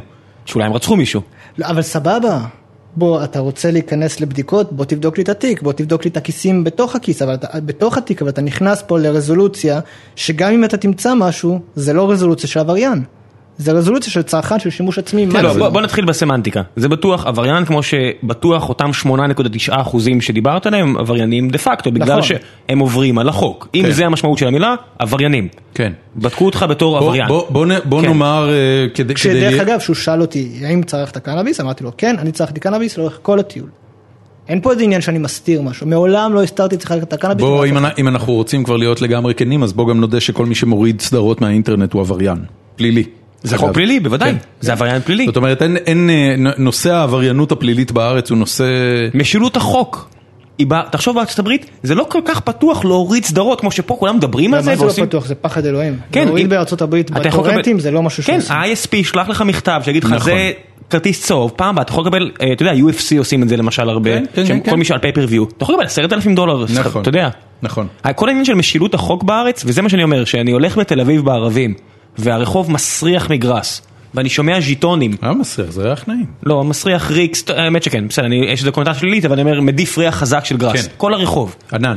ואני שומע ז'יטונים, אני רואה- אני שומע חבורות של אנשים משחקים פוקר בחלונות, וזה גם לא חוקי, ואתה אומר, זה חוקי, אם הם זה לא לא- משחקים על כסף. ז'יטונים, פרנדלי, הכל אה, בסדר. אחלה, בסדר? אה, אז אולי כל השטרות שיש להם ב- במזוודה של המשחק הוא לא הבעיה. אה, בוודאי, אבל ברור... זינגה פוקר חוקי. כן, בוודאי, ברור לגמרי, בסבירות מאוד מאוד גבוהה, הם לוקחים עכשיו חלק במשהו לא חוקי, כמו שיכול להיות שהריח הזה מגיע ממישהו שיש לו אישור לקנאביס. נכון. אבל אני לוקח בהסתברות גבוהה, שכל הרחוב הזה מדיף מריח של עבירה על החוק. ואז כן. אתה אומר, מה המשמעות של החוק במדינה דמוקרטית, שבה אחוז כל כך לא מבוטל מהאוכלוסייה מצפצף עליו? כן. זה מתחיל כבר, אתה יודע, אני באמת מרגיש שזה חלק נורא מהותי בבעיות של המדינה הזאת. ה- העובדה שאתה יודע, אתה אומר, אני עובר על החוק הזה, ויש לך, לא סתם אנחנו מדינה, היא- לפי ה- כל המחקרים, היא מקום שני או שלישי בעולם בהון שחור. אין הרבה מדינות בעולם שיש בהן כזאת כלכלה של הון שחור כמו בארץ. טוב, אני רוצה לחזור מאה לוויד. אחוז מצטער. אוקיי. זה בסדר. הקובלנות שלך הן תקפות לג- ולגיטימיות ראם? אה, אה, ח- מה שנקרא, duly noted. כי- קיפלתי. זה, כן. היה, זה היה האירוע הראשון. אוקיי. אירוע שני, אני הולך לדייט באשקלון, בחורה שמגיעה מחוץ לעיר, ואני צריך להיפגש איתה באיזשהו מקום. בדרך לשם, אני עובר דרך סמטה חשוכה, עוצרת לידי ניידת בחריקת בלמים, קופצים עליי שני בלשים, תופסים לי את הידיים, מוצאים לי את הכל מהכיסים, מחפשים לי ברמת ה... ה, ה להוציא את הכרטיסי האשראי מהארנק. אחד מהם ניגש אליי, אומר לי, הפעם לא מצאנו שום דבר, ומביא לי וואחד שבחה בפנים, לא לעניין בכלל. בפעם הבאה נתפוס אותך. אנקול מן. Don't taste me bro. בפעם הבאה נתפוס אותך. עכשיו, אני עם הדבר הזה, עכשיו... היית זה נ- מוכר למשטרה באותה איזה תקופה? מוכר למשטרה? שום דבר. רגע, והם לא ראו שאתה כזה צפונבון מלוקק? אז בואו אני אספר את הסיפור עד הסוף. יום למחרת הלכתי עם אימא שלי, בשיא תמימותי, הלכתי עם אימא שלי ולהתלונן במשטרה. על זה שחטפת כאפה על זה מבלש? שאני אתמול מסתובב ברחוב ומישהו קופץ עליי ונותן לי סטירה, ו... ודי הרסו לי את הערב. ו- מה נגמר עם הדייט? אה, לא, זה היה כאילו, אני הייתי כולי בסטרס אאוט, כאילו, יצאנו, אבל אני לא הייתי בדייט. ממש הבנתי. לא הייתי בדייט. אז, אה, אז הם מדברים, בטח- היא בטח אמרה לעצמה איזה ג'רק. איזה ג'רק הבחור הזה. לא סופר אותי בכלל. אני מה זה, אני יודע, זה כזה, זה כזה קלאסי. יש את הקריקטורה הזאת שרואים זוג שוכב במיטה והבחורה יש לה כזה בלון, אה, די- בלון מחשבה מעל הראש והיא אוכלת סרטים, אה, אולי שכחתי את התאריך הזה ואולי זה ומה יהיה איתנו והזוגיות שלנו כבר לא מה שהיה פעם ואולי הוא בעצם לא אוהב אותי וזה וזה ואז רואים את הבלון מעל הבחור, הקוד שלי לא עובד, אני צריך לבדוק מחר בבוקר מה קרה. כן, הקבוצה הפסידה. כן, סנדוויץ'. אוקיי, אז- אז הלכת עם אמא שלך לתחנה, אז הלכתי עם אמא שלי לתחנה, והם אה, אמרו שאנחנו מצטערים, היה לנו מידע מודיעיני על מישהו שנראה כמוך. להזכיר, ילד בלונדיני, שיער ארוך, ארי אוקיי, עם איזה- שמאי. כן, עם איזה מעיל פרואני כזה, מסתובב ברחובות אשקלון, יש מלא כאלה, והיה להם מידע מודיעיני על אחד שנראה ככה, ואנחנו מצטערים, מתנצלים, ואנחנו מבקשים אה, ממך לצאת בבקשה החוצה, אז אמא שלי יצאה החוצה, ואז כשהייתי לבד איתם, הם אומרים, חבוב, אנחנו יודעים מי אתה, אנחנו יודעים מי החברים שלך, ואם אתה מגיש תלונה, אנחנו נעשה לך את החיים מאוד מאוד קשים. אז אני אמרתי, בסדר, ו- ולא הגשתי תלונה. מי היו החברים שלך? ש- סטלנים, אשקלונים, מצויים, אין פה איזה משהו מיוחד. ז- ז- זאת אומרת, איימו עליך בגלל שאתה לכאורה אה, קשור לאנשים שהמשטרה מכירה אותם.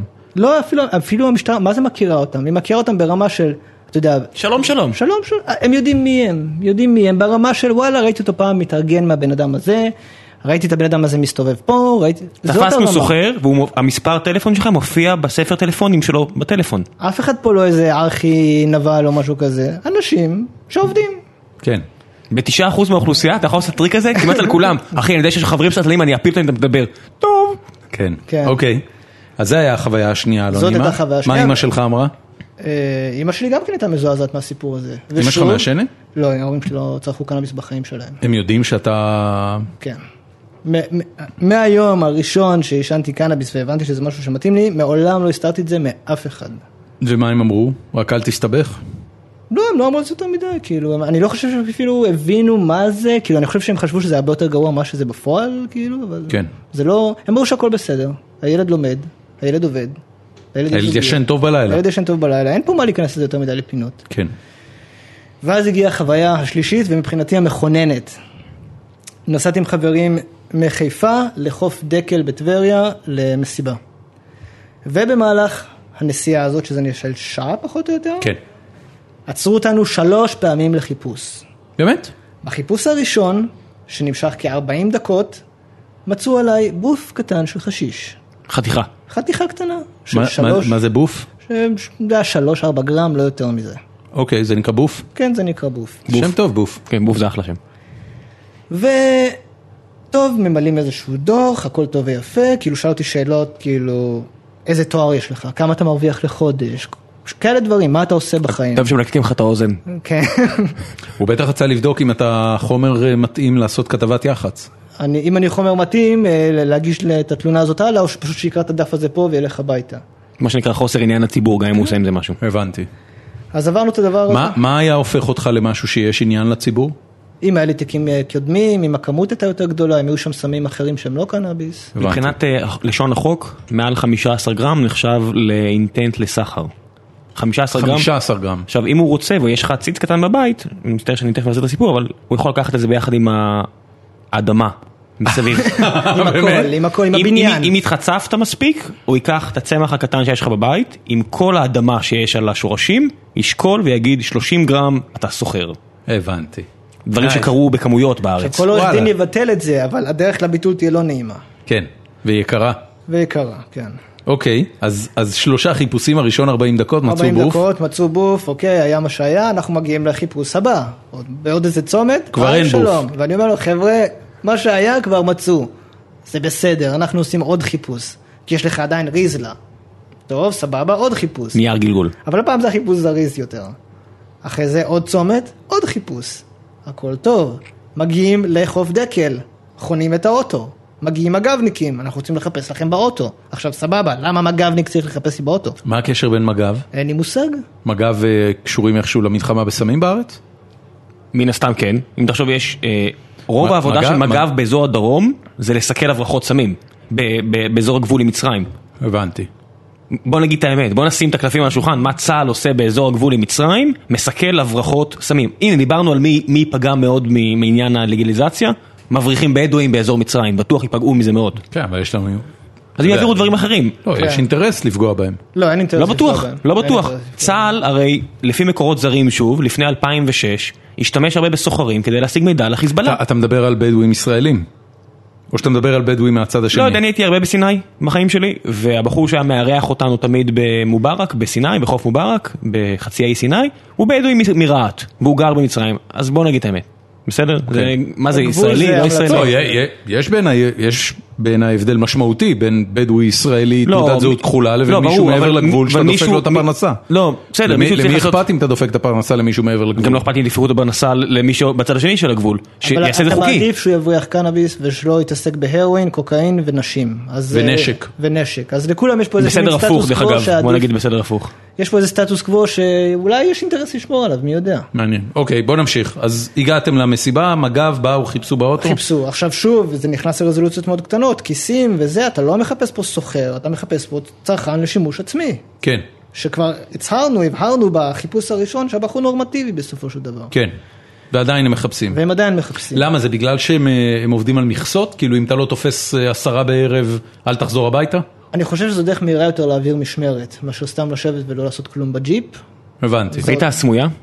ראיתי, אני ב- אני באמצע העונה אז עזוב, הראשונה. לא בקטע של אה, סדרות, יש שם עניין שמבהירים טוב את מה שנקרא ה-numbers game, שהמפכ"ל בסוף אחת העונות מראה we are cracking down on crime, פתחנו השנה 12,000 תיקים וכו' וכו' וכו'. כן. זה קורה לא, בארץ, יש משחק של מספרים, אה, זה בוודאי. פול בלון קורה בארץ, והמפכ"ל, כל מפכ"ל כן, מפכ"ל לא, אז אומר, יוחנן דנינו הביא את נכון. השיטה הזאת לארץ, של, אה, של המספרים וה, והעבירות שמקבלים עליהם נקודות. אז אני לא זוכר אם, ה- אם האירוע הזה קרה תחת דנינו או לא, אבל אם כן, אז זה לגמרי נכנס לקטגוריה. דרך אגב הוא הזאת. אשקלוני, זה עליכם. דנינו אשקלוני? אני לא בטוח, יכול להיות. אני בודק. אני יודע ו- שגלעד ו- ארדן אשקלוני, כן, גלעד ארדן גם עליכם. כן. למרות שהוא כבר הרבה זמן מחוץ לאשקלון, אתה יודע, אי אפשר לבוא בטענות הרבה. אתה לא, זה על- על... על- זה לנצח? אי אפשר כן. לעזוב את אשקלון. כן, הנה, אוקיי, גם- בסדר. גם אותי ד- משחק דנינו- חזרה. דנינו זה אשקלון, יש לי- יש לי כמה אנשים, אתה יודע, תראה, כמו- תראה כמו- אותך. כמו אריה ממשחקי הכס, אני זוכר, אתה יודע, בוז'י היה באלסם, דנינו מאשקלון. כן, אוקיי, בוא נמשיך. אז- אז חוויה לא טובה. אז זה הקפיץ קיצור. לי את הפיוזים לגמרי, זה היה ממש מיותר לחלוטין, ו- ו- ווואלה, כאילו אין אין שום כמו אינדיאנה סיבה- ג'ונס, this item belongs in a museum. עכשיו אני בטוח שבאותו לילה שאני עברתי שלושה וחצי חיפושים, אם אנחנו סופרים גם את המג"בניקים האלה, בעפולה לא פרצו לבתים, בטבריה לא גנבו מכוניות, לא התלוננו שיש פה... מה, באמת אתה הולך לבוא לי עם הטיעון הזה? של דברים שהמשטרה יכולה לעשות במקביל? ב- למה לא? ברור. שופטים, אתה יודע, מערכת המשפט הישראלית אחת העמוסות בעולם. נכון. מה? איך זה לא- איך זה לא טיעון ולידי? זה לגמרי טיעון ולידי. סבבה. מה? זה טיעון אה, פנטסטי. בכל- כן. בכל פיטסטופ כזה שהם חיפשו, היו שלוש ניידות. בכל שלוש ניידות יש לך שני שוטרים. כן. מלא אתה- כסף. מלא כסף. אה, ומלא אכיפה שלא מבוצעת כן, כן, במקום כן. אתה אחר. יודע מלא מה, כסף. במילא, במינימום, אכיפת תנועה. אתה יודע, אתה נוהג בארץ, אתה רואה אנשים שנוהגים כמו חיות, אתה אתה יודע, כמעט דרס דווקא אכיפת תנועה היא אה, בסדר בארץ. אתמול יצאתי מהבית שלי, מדרכה בתל אביב, כמעט דרס אותי טוסטוס, ואני צועק לו, בן אדם זה מדרכה! והוא מסתכל עליי בקטע של מה אתה רוצה? ואתה אבל אומר, זה- זה פיקוח עירוני, בן אדם. זה בכלל שיש לא שוטרים, קשור אז ל- אז ששוטרים לא יעשו את זה ויעשו את זה, גם- עדיין- כן, גם שוטר יכול להיכנס ל- לפינה הזאת. זה נכון, זה נכון. אוקיי, אבל אבל- על ההלכה לעצבים, מה עכשיו? מה עכשיו? אה, מתבשל לאט לאט. בחירות 2013. ג'וינט פה, ג'וינט שם. אה, תתקרב למיקרופון. כן, אה, סבבה. לא שומעים אותך. אה, מתבשל על אש קטנה, בחירות של 2013, אני נחשף לעלה ירוק פלוס התנועה הליברלית החדשה, גם לפני זה הצבעתי כמה פעמים לעלה ירוק, אבל האג'נדה של התנועה הליברלית אה, די התחברה יפה. מי מוביל את זה? אה, אז באות- מי שהיה מספר אחד ברשימה זה היה בחור בשם ירון לרמן. אוקיי. אה, והיה שם עוד כמה חבר'ה, שמספר שמונה זה היה רועי עידן, שגם התארח פה בתוכנית שלכם. כן. ובחר להצטלם עם מלא של גראס. טוב, לגיטימי. אה, ו... ו... ואז הבנתי שיש פה אג'נדה שיותר רחבה רק מקנאביס, אני מתחיל להיכנס לפעולה, ומהר מאוד אה, התחלתי למפות מה קורה, הבנתי שיש את כל הנושא של קנאביס רפואי, הכרתי את הנפשות הפועלות, הבנתי שקנאביס רפואי זה לא פתרון בשום צורה לשום דבר, למה? כי הם לא באו לפתור בעיות בכל הנושא של קנאביס רפואי. הם מי זה באו, הם? אה, מי, ש, מי שיצר את המוסד המפואר הזה של אה, יחידת הקנאביס הרפואי בישראל. אוקיי. הם באו למנוע לגליזציה, זאת המטרה. זה מ- ש... מי זה- מי זה הם? על מי אנחנו מדברים? יש פה היסטוריה שאתה מכיר? להיכנס להיסטוריה של קנאביס רפואי בישראל? לא, לא, אתה יודע. אי משלום שם שלום. בסוף שנות התשעים הייתה משהו שנקרא ועדת רפול, אוקיי. אחרי הריצה הראשונה של עלייה ירוק הכנסת, או אפילו לפני זה, ושזימנו כמה אנשים, ביניהם שלומי סנדק, שהיה ממייסדי עלייה ירוק, אה, להתחיל אה, לדון על הנושא, והם העלו את הטענה שוואלה, יש פה הרבה הרבה מחלות, שאפשר לטפל בהן בעזרת קנאביס. פנטסטי. אז רפול אמר, סבבה, אנחנו לא משנים את החוק בשום צורה שהיא, אבל אנחנו מתחילים לבחון את המתן של קנאביס לאנשים שסובלים מכל מיני מחלות שונות. המוסד הזה גדל וגדל וגדל, ככל שאנשים היו יותר מודעים לזה, אז יותר אנשים רצו לטפל בעצמם בעזרת קנאביס. אה, כי אני חושב שכשאני נהייתי מעורב בעניין, ס- מספר ראשונות היה סביב 14 אלף, משהו כזה. רישיונות למעשני קנאביס. למעשני קנאביס, לא קוראים לזה 14,000. מרשם, קוראים לזה רישיון לקנאביס רפואי, אוקיי. שזה מספר עצום, כן? עצום, זה, ב- אני לא חושב שיש איזושהי מדינה בעולם, תחת המגבלות שיש בישראל, שיש כל כך הרבה מרשמים, אני די אוקיי. בטוח שאין אפילו. אוקיי. באחוזים באוכלוסייה, לא כן. מספר אבסולוטי. גם במספר אבסולוטי. אני חושב שבגרמניה, בכל גרמניה, שזה 300 מרשמים לקנאביס רפואי. אוקיי. וואו, mind blown. ל- למה זה? כי שוב, הם לא באו לפתור בעיה, הם באו למנוע שינוי חוק. ב- בגרמניה יש, לפחות בברלין, ששם אני מכיר את המצב, יש אי הפללה דה פקטו. זה לא רשום בשום מקום, זה לא... אבל... זה, זה להפך, אם אתה מגיע לפארק קרויצברג, ואני אני תכף אני מחזיר את השיחה אליך, אה, פארק בברלין, המשטרה שומרת מסביב לפארק כדי שלא יהיה אלימות. היא מסתכלת עליך, נניח, לפי פרסומים זרים, עושה עסקת סמים, ולא משנה איזה סם אתה קונה, היא רק משגיחה שאין אלימות. השוטר יסתכל עליך, ייתן לך, אתה יודע, את הנוד עם הראש, כדי להגיד הכל בסדר, תהיה רגוע, אנחנו מסתכלים. אוקיי. I got your back. זה לא הגעת שובק, התפקיד שלי הוא פה לא למנוע את מה שאתה עושה. התפקיד שלי פה הוא לעשות, למנוע... אה, פשע. לא יודע אם פשע, אבל ל- לדאוג לרווחת התושבים. אוקיי. אם זה מה שאתה רוצה, תעשה, אבל אני פה לדאוג שלא יהיה משהו נגד רצונך. הבנתי. שוד, אלימות, אתה יודע, זה בכל זאת כנופיות. כן. אה, בדרך כלל שחורים, גדולים, כן, כן, מפחידים כן. קצת, כן. קסנופוביה, אוקיי, כן. אוקיי. אז, אה, אז זה- זה המצב שם, עכשיו זה גם מעבר לזה, גם הגידול עצמי, אין אה, אכיפה בכלל, יש שם חנויות אה, של אה, שמוכרות ציוד, ואני שאלתי אותם, כאילו, איך המשטרה מתייחסת אליכם? אין להם שום סיבה להתייחס אלינו. מה מיוחד במה שאנחנו עושים? כן, אנשים קונים אה, ציוד, הם מגדלים לעצמם צמחים והכל בסדר, הם לא נכנסים לפה, הם לא, הם לא מטרידים את הלקוחות שלנו, זאת המדיניות. ותחת מדיניות כזאת אתה לא צריך לחלק 14 אלף מרשמים לקנאביס רפואי, כי אם אתה רוצה קנאביס, לא קשה להשיג אותו לעצמך. אז בוא, נ- אתה יודע, בוא נרד ב- בדרום, לדרום אה, מערב אירופה, פורטוגל יש אה, דקרימינליזציה מלאה, כל הסמים, כן. אה, ספרד, יש לך עכשיו את כל מה שנקרא שיטת המועדונים, אם אתה חבר באיזשהו קלאב כלשהו, שזה איזשהו וייג טרם כזה, אתה יכול אה, לקנות בצורה חופשית. אה, בשוויץ היה הצבעת עם, אבל הם סירבו לזה, אבל עדיין זה מראה לך שזה 40 משהו אחוז מהאנשים הצביעו בעד, אז זה כבר מראה לך את ה... מה המשטרה יכולה לעשות עם 40 משהו אחוז מצביעים בעד? כן. אה, אז, ודרך אגב, אני חזרתי לפני שבועיים אה, מפורטוגל, מליסבון, וזה המקום שהיה לי הכי קשה אי פעם להשיג בו קנאביס, שזה ידוע בכל העולם דרך אגב. שזה מטורף. כאילו יש לך מקום של אי הפללה מוחלטת על כל סוגי הסמים, אי אפשר למצוא שם סמים. וואלה. כן, הם באופן תרבותי, לפחות ב... אה, כאילו לי אמרו שבפורטו למשל זה אחרת, אני הייתי בליסבון, אבל שהאחוז שימוש שם בקנאביס הוא 3.9 אחוז, זה אחד הנמוכים בעולם, במקום שיש בו אי הפללה מלאה. שאתה אתה יודע, אפשר, פסיכולוגית, סוציולוגית, אפשר לחשוב על זה, אתה יודע, אם יש פה עניין של לעשות דווקא ל- לבני נוער ואז זה משתרש, או וכו' וכו' וכו', אני פשוט הולך על הפתרון שנראה לי הכי הגיוני, שזה פשוט לא בתרבות שלהם. כן, זה לא בתרבות, זה לא מעניין, הם הרבה יותר שותים אלכוהול ויין וזה, וזה חלק, מה... זה חלק מהמציאות שלהם, קנאביס לא שם. אוקיי. אה, עכשיו, אחרי שראיתי שקנאביס רפואי זה לא בא לפתור שום בעיה, אני, הי- היה לי איזה רגע מכונן, שזו הפגישה ששלומי סנדק ארגן אה, עם תמר זנדברג, ואז... תמר זנדברג, חברת כנסת חברת- ממרצ, כן. מובילה, אז, אה, אז היא הייתה היחידה בתחום. ש- מ- מנסה להוביל מצד שמאל את אה, הלגליזציה. כן, שבאותה תקופה היה את פייגלין מצד ימין, אבל הוא היה, באותו תקופה הוא היה עדיין פחות אה, רועש בנושא הזה. אז היה מפגש של 20 מטופלים שסירבו להם או בכלל, או שלא רצו להגדיל להם מינונים. ואתה יושב שם עם 20 מטופלים, במצבים קיצוניים למדי, כאילו זה לא בן אדם שעכשיו יוצא מפה עולה על אוטו, נכים, טורט קשה, אנשים עם אה, פיברומיאגליה שבקושי הצליחו לצאת מהמיטה כדי להגיע למפגש הזה, פוסט טראומה. פוסט טראומה, כן. ורופא אומר להם, אתה לא מקבל קנאביס.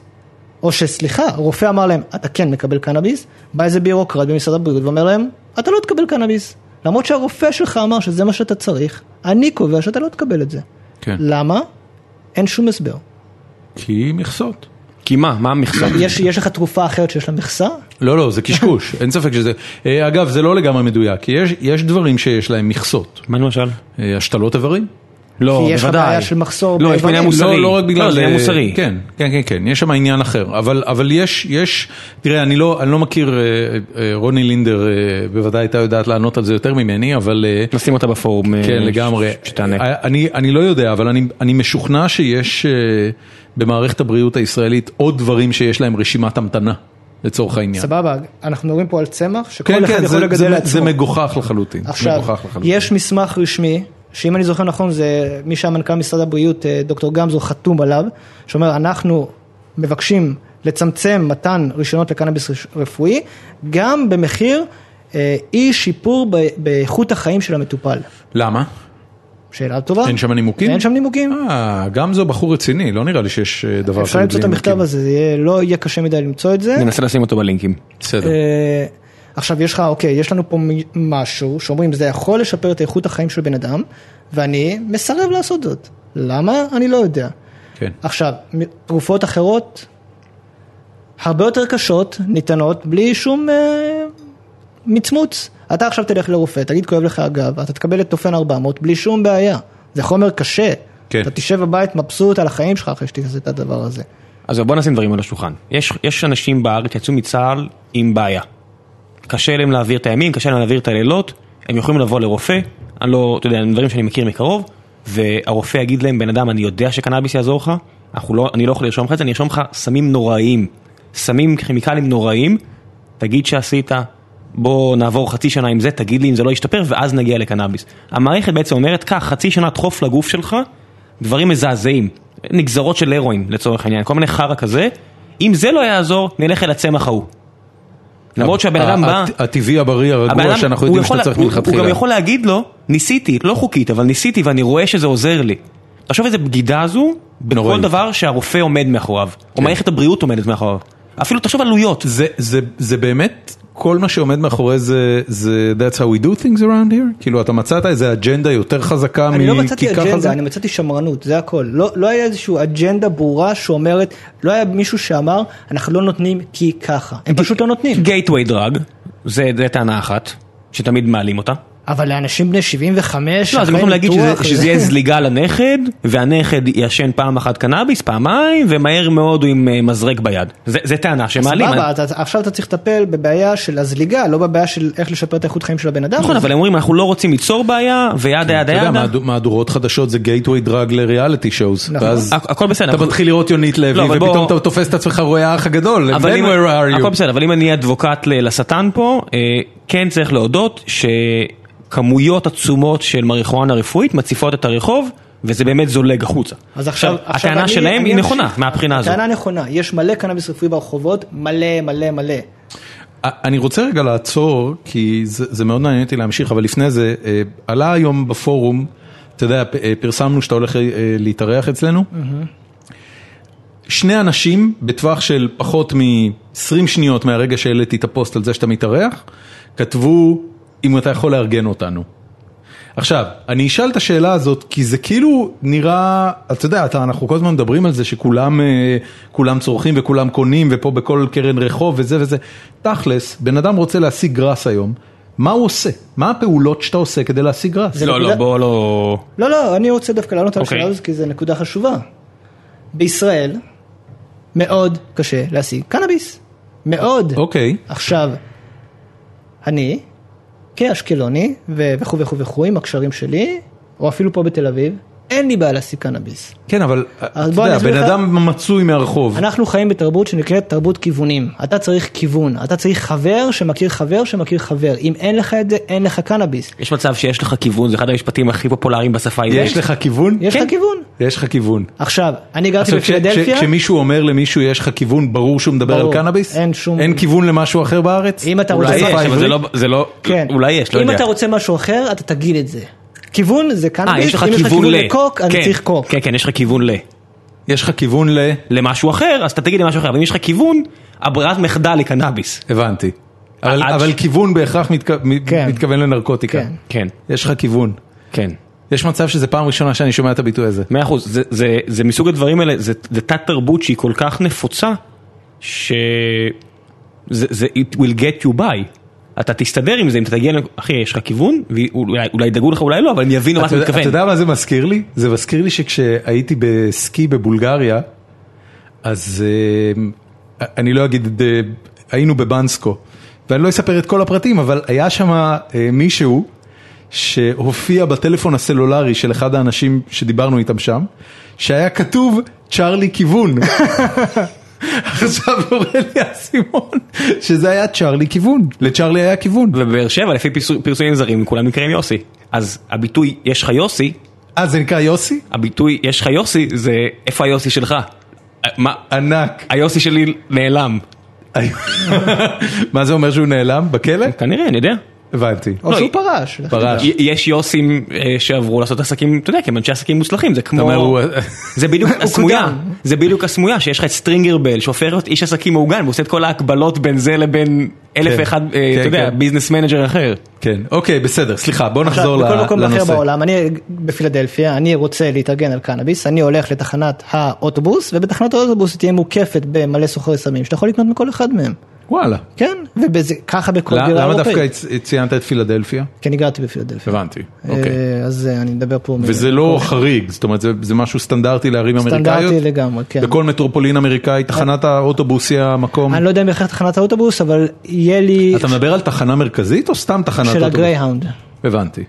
ואני לא יודע אם בכל מקום זה יהיה ככה, אבל מהר מאוד אני אבין איפה זה יהיה. כאילו, אני, אתה תלך לכל ברמן, אתה תלך לכל בן אדם עם רסטות, אתה תשאל אותו, והוא, והוא יפנה אותך. זה ממש למקום. פרופיילינג. או, או, או, או, בן אדם עם רסטות, וואו. אני לא רוצה לעזור לאף אחד, אבל ישראלים בעגלות בארצות הברית, בוודאי. בוודאי. מ- מסו- יש להם כיוון? בוא נגיד, אם, אם אתה עובד הייטק ואתה מגיע לאיזה חור בהרנדון וירג'יניה או לס וגאס או לא יודע מה, תלך לקניון הקרוב אה, לביתך, תמצא עגלה של ישראלים, תבוא אליו בשקט, אחי, יש לך כיוון? בעברית, ככה.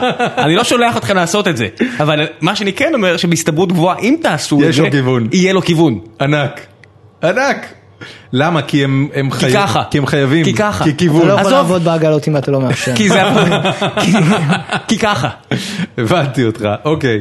אתה, אני ובארץ רוצה... אין, אין את התרבות הזאת של כאילו תחנה מרכזית וזה, פה אתה חייב להכיר אנשים, אתה חייב, זה מטורף. זאת אומרת, אין סוחרי רחוב בארץ? אין סוחרי רחוב בארץ, יש תחנות אולי בלוד של אני כאלה, זוכר אבל- שבזמנו קראתי על, על, אה, אתה יודע, כל מיני סיפורי זוועה על אימהות שרוצות שלילדים שלהם חולי הסרטן יהיה קל יותר, אז הן נוסעות לרמלה, לכספומטים, היה ביטוי כספומטים. כן. מה זה הכספומטים האלה? זה לא קיים?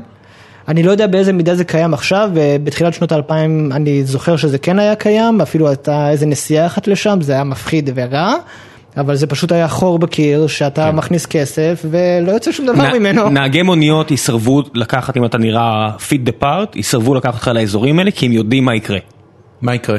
בסבירות מאוד גבוהה, גבוהה יקרה להם משהו רע, כי אתה הולך לקנות סמים, ואז אתה תהיה מעורב, אתה יודע, זה... הבנתי. אני, אני לא יודע אם זה ככה עדיין, אבל פעם היו ממש כאילו, היו מוניות שירות שהיו נוסעות לתחנה וחוזרות. בחיפה יש, אה, קודם כל אני, אני זוכר, עכשיו שאנחנו מדברים, אה, אני עולה לי זיכרון שראיתי פעם אה, עסקה שמעטפות קטנות אה, מנייר כסף, שאני מניח שזה לא קנאביס אלא משהו יותר כבד מזה. יכול להיות נכון, חשיש גם. אה, החליפו ידיים ליד לשכת גיוס אה, בהדר הכרמל. ועוד אחד, זה שהמרפאה של הטיפול האורתודנטי שבו עשו לי גשר בתור ילד, אוקיי. okay. הייתה מעל המרפאה של, אה, של אה, אה, גמילה מסמים. זאת אומרת, חבר'ה היו באים לשם לקבל את מנת האדולן ה... מתדון, ה- לא אדולן. מתדון, סליחה. אולי אתה צודק, אולי אדולן, אדולן לא, זה אדולן, גם זה? יכול להיות שניהם, אדולן, זה יכול להיות אדולן. לא, ב- מתדון זה בוודאות, אולי אולי גם אני אדולן. יודע שמתדון זה אני- אוקיי. אמריקאי מצטער, והדולן זה מצטער, הישראלי, אם אני, אם אני מצטער, זוכר מצטער, נכון. תמשיך, כן. בכל מקרה, הם היו, הם היו באים, וזה כאילו, אתה יודע, אתה ילד בן, אה, בן 12, בא לקבל טיפול שיניים במרפאה האורתודנטית של חיפה ברחוב הגפן, ומתחת לזה באים החבר'ה לקבל את המנות שלהם. אה, באשקלון למד"א. היה איזשהו מגרש חנייה שהיית יכול להגיע אליו, לחנות את האוטו ומישהו היה ניגש אליך. לא עשיתי את זה יותר מדי פעמים, עשיתי את זה, אבל תמיד ביציאה משם הייתה ניידת שהייתה מחכה לך, אז זה היה וואלה. סיכון מטורף לעשות את זה. עכשיו, יש את הקטע הזה שכל פעם נעצרים בבת אחת איזה 30 תלמידים בגימנסיה הרצליה או משהו כזה. כן. למה זה קורה? כי זה חלק מהקטע של תרבות כיוונים, יש איזה מישהו אחד שיש לו אתה אומר, כיוון, זה רשת, זה network ועכשיו הוא effect. צריך לארגן את כל זה- החברים זה שלו. טלפון, זה טלפון, תופסים אותך, אז בטלפון שלך יהיה מלא אנשים שנקראים יוסי כיוון. כן, אוקיי. ככה זה עובד. ו- והם פה יצאו במבצע אדיר, עצרנו 30 ילדים בני 16 שעישנו גראס, בחייאת הרבאק. כן. עצרתי מילד אחד. כל- כל שבטח- הכבוד, כל הכבוד למשטרה. שיש כן. מצב שההורים שלו תפסו אותו והם נכנסו לפאניקה והלכו למ- למנהלת והמנהלת הזעיקה את המשטרה. הבנתי. כאילו לא היה פה שום פיצוח חבר'ה, אתם לא עשיתם כלום, אתם רוכבים על גל. כן. אוקיי, אז אה, אנחנו נחזור רגע למצב, אה, אתה, אתה אומר כל הנושא של מריחואנה רפואית בארץ הוא התעללות אחת מתמשכת שאין לה שום תפקיד לעצור כלום בעצם. מי שמקבל מרשם זה אחרי סבל וייסורים מתממש- מתמח- מתמשכים שיכולים לקחת אפילו שנים. שנים. אוקיי. ואז בסופו של דבר הם מקבלים מרשם. כשהם יקבלו את המרשם הם יגלו שני דברים. אחד, המינון לא מספיק. אתה תראה, זה תמיד... זאת אומרת, פה- מה זה, זה זנים חלשים מדי? הכמות עצמה לא מספיקה. הם לא, מתחילים זה זנים מ- טובים, אבל 20-30 גרם לחודש נניח, תהיה המינון ההתחלתי. זה לא מספיק? לבן אדם שסובל מכאבים ועכשיו הוא צריך לעשן איזה 2-3 גרם ליום, זה לא מספיק. שלושה גרם ליום? כן. בוא בוא נגיד Holy שזה זה בגבוה. shit. אנשים שיש מה להם... זה שלושה גרם ליום? זה כמות משוגעת. זה לא זה לא כמות מטורפת? אני יכול להגיד לך שישראלי ממוצע בהודו יכול לגמור בכיף טולה של ג'רס, טולה זה 10 גרם של ג'רס ביום. אבל, ב, אבל בתשובה, כן, אבל בתשובה לשאלתך, גם בגלל טיב ה- הקנאביס המדובר בארץ של רפואי, שהוא שהוא- רע, שהוא פחות טוב. הוא גרוע, אה, הרפואי לא טוב? הרפואי לא טוב. אוקיי, אמ, fair enough, אבל זה עדיין יש. הרפואי מגודל בארץ? הרפואי מגודל בארץ. איפה? בכמה מקומות שונים, כאילו זה די חסוי, אסור להזכיר את זה, כי יש שם הוצאות אבטחה מטורפות, אבל בכל הארץ, יש בדרום, יש בצפון, יש במרכז. זאת אומרת, יש חקלאים שכבר היום... זה בדירה, אה, זה יכול להיות גם בדירה, זה לא... לא, לא, זה, זה קנה מידה גדול, זה, זה חממות. זה ממש חממות? כן. זאת אומרת, יש כמה חקלאים שהם כבר מגדלי אה, גראס רפואי. לפרנסתם. כן. הבנתי. עכשיו, הגידול שלהם הוא גרוע, וואלה. מסיבות אובייקטיביות לגמרי. ה- לא משנה כמה הקנאביס המטופל מקבל, זה יכול להיות 20 גרם, זה יכול להיות 150 גרם, הם משלמים 390 שקל אוקיי. אוקיי. לחודש? לחודש. אוקיי. עכשיו, מעבר לזה, יש למגדלים הוצאות אבטחה מטורפות, יש הוצאות שינוע מטורפות, יש הוצאות אחסנה אתה מטורפות. אומר אין להם אינטרס לייצר גראס טוב? אין להם את היכולת הכלכלית לייצר גראס טוב. גם אם היו רוצים וזה היה מעניין אותם, ואין להם שום אינסנטיב כי אין תחרות בתחום, רגע, בוא נפרק את זה. למ- למה לייצר גראס טוב עולה יותר מאשר לייצר גראס רע? מצא גידול איכותי יותר. מה זה אומר? זה אומר שאתה יכול לגדל על אדמה מדושנת, שזה יהיה קומפוסט או 2020, או אתה יכול לגדל על אדמה מנותקת, ואז להשקות בדשנים ייעודיים איכותיים, ש... שיעודדו את הצמח לייצר יותר חומרים פעילים ויותר מסה. יותר מינרלים שמתרגמים בסופו של דבר להיות- ליותר חומר פעיל. כן, זה, זה יותר יקר לגדל ככה. לא משמעותית יותר יקר, אבל זאת הדלתא הקטנה הזאת שלא שווה להם להיכנס אליה. מה עוד? גידול פנים מול גידול חוץ.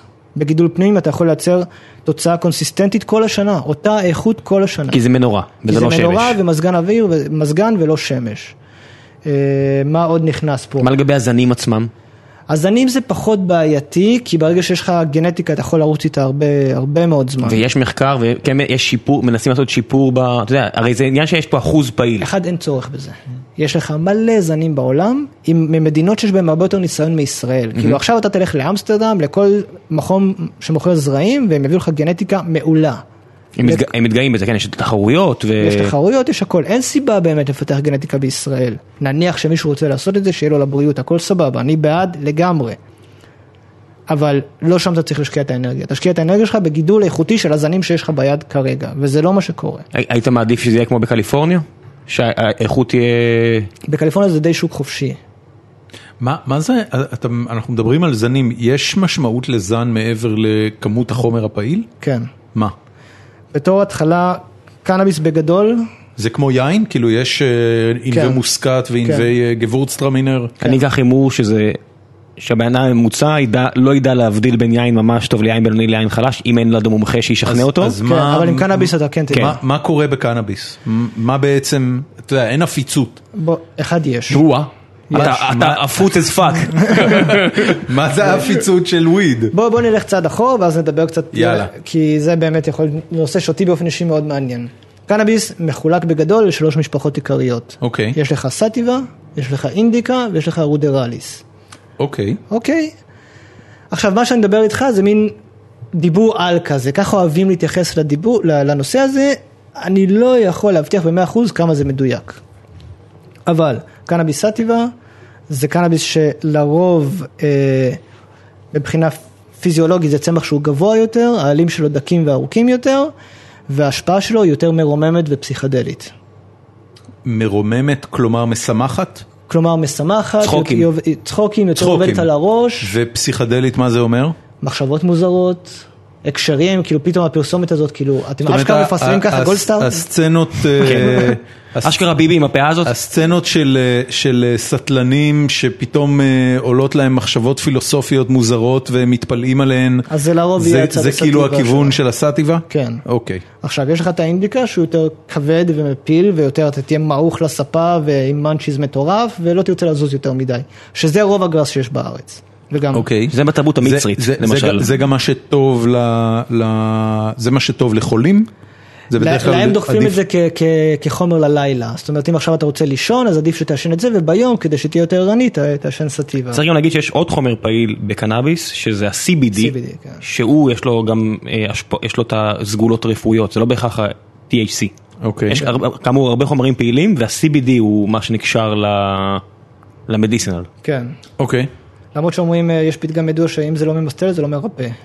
אז אה, יש גם את הקטע הזה. הכל בסדר, אבל זה, זה, אתה יודע, זה- המ- המ- המדע והרפואה העולמית לא באמת מתייחסים לזה בכבוד הראוי יחסית לכל הסממנים החיוביים שמספיק אנשים מציינים אותם. כן, אוקיי. עכשיו השלישי זה זן שנקרא רודרליס, שזה, אה, משתמשים בו בגלל איזושהי תכונה גנטית שיש לו. רודרליס? רודרליס, כן. אוקיי.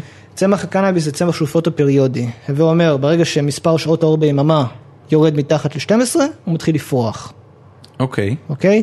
רודרליס זה זן שאין לו את התכונה הזאת, הוא, יש לו מין טיימר פנימי והצמח יודע שתוך שלושה חודשים הוא מסיים מחזור חיים שלו, זאת אומרת הוא נווט, פרח ומת. וזה לא משנה אם יש אור זה או- לא או משנה חושך שום דבר. בתקופות האלה? אלה זנים שמגיעים מצפון אירופה במקומות שיכולים להיות עכשיו חצי שנה בלי אור בכלל. והם עדיין נצמחו כל והם עדיין שלושה יצמחו, חודשים. כן. ומה מאפיין אותם?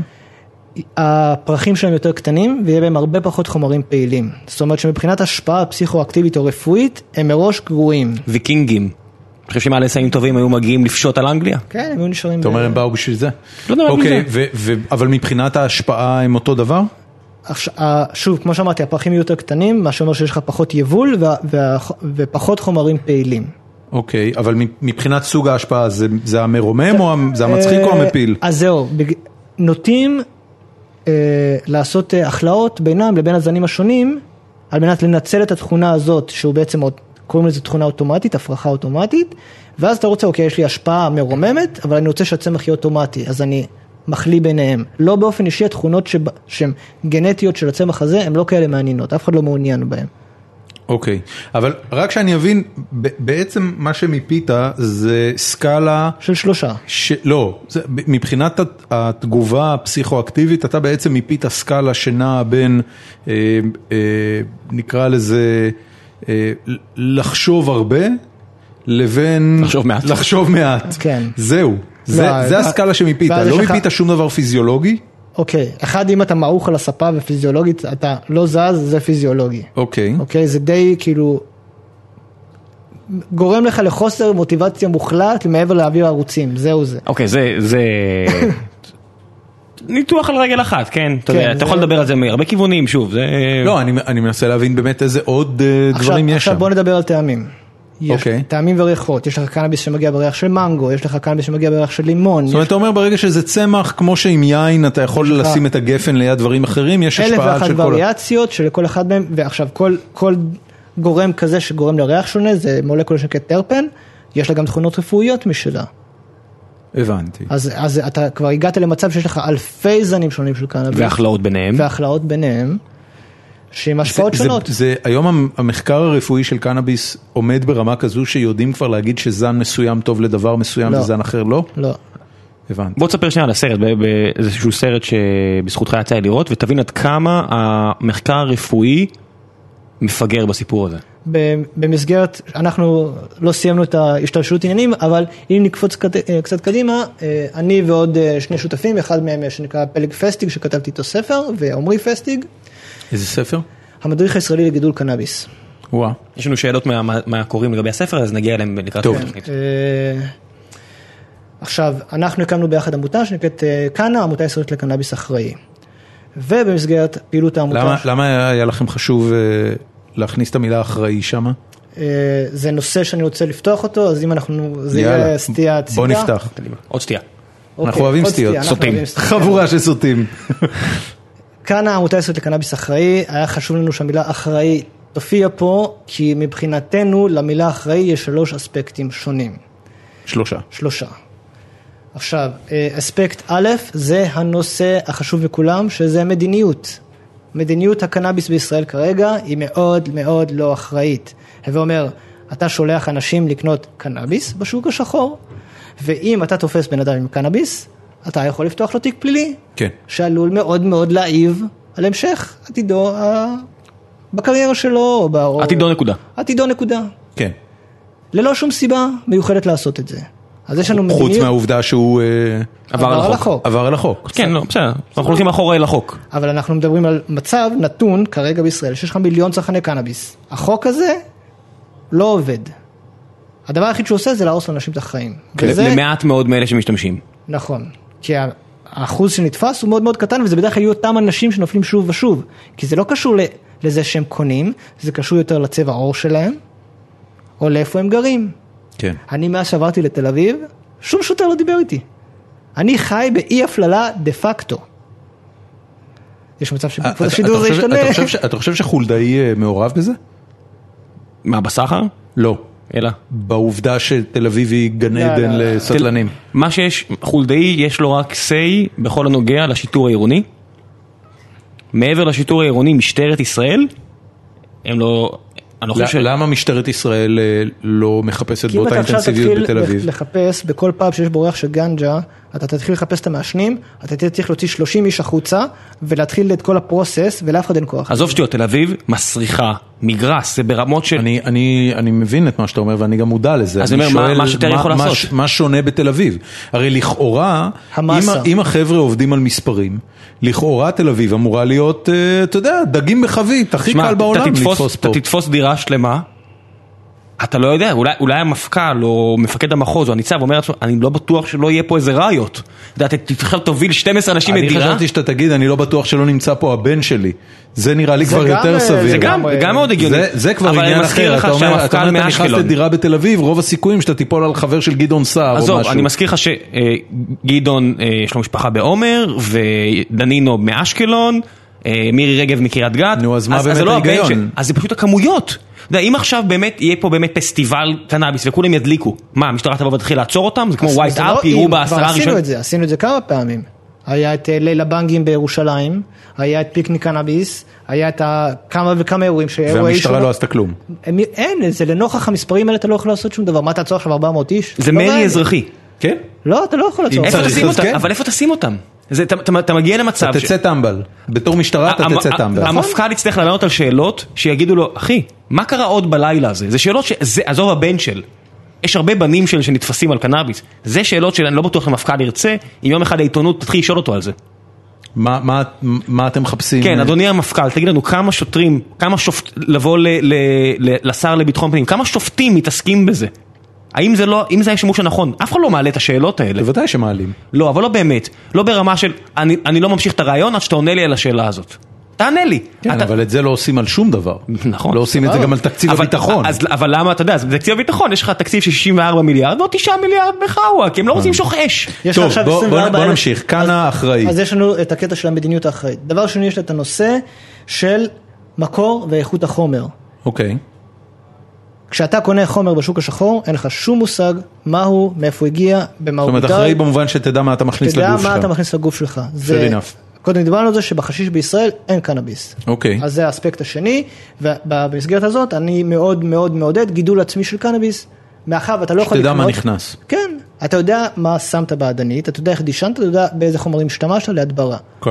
אז זה האופן הכי בטוח לצורך קנאביס, זה לגדל אותו לעצמך, תחת המדיניות הנוכחית, ובכלל, מותר לגדל היום קנאביס בבית, לא.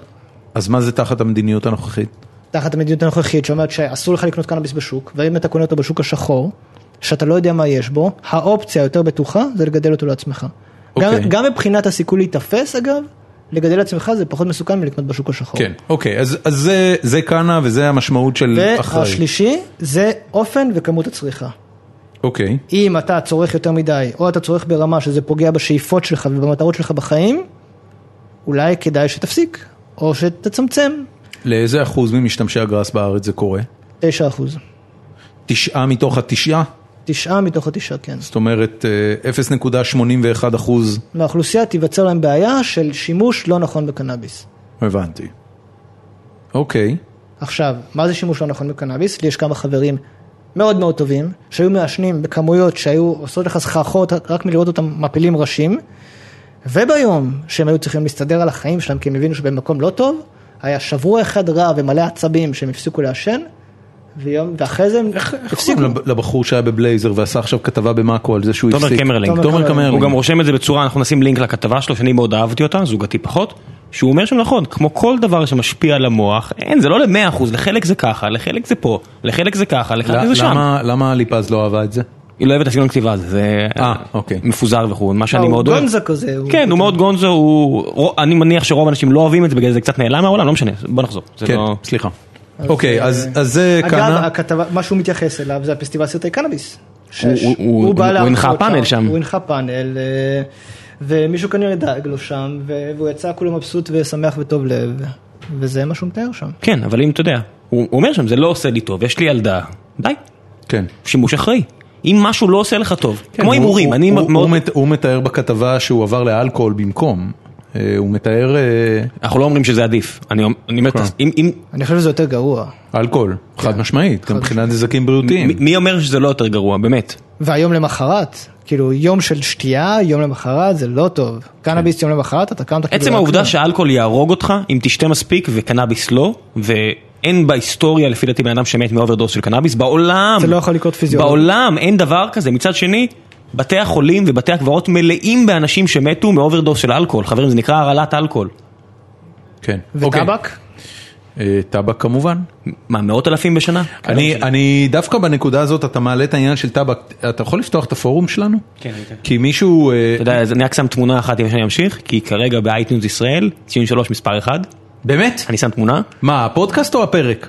הפרק והפודקאסט אה, רץ קדימה. אתה צוחק עליי. לא, מספר אחד. דוד!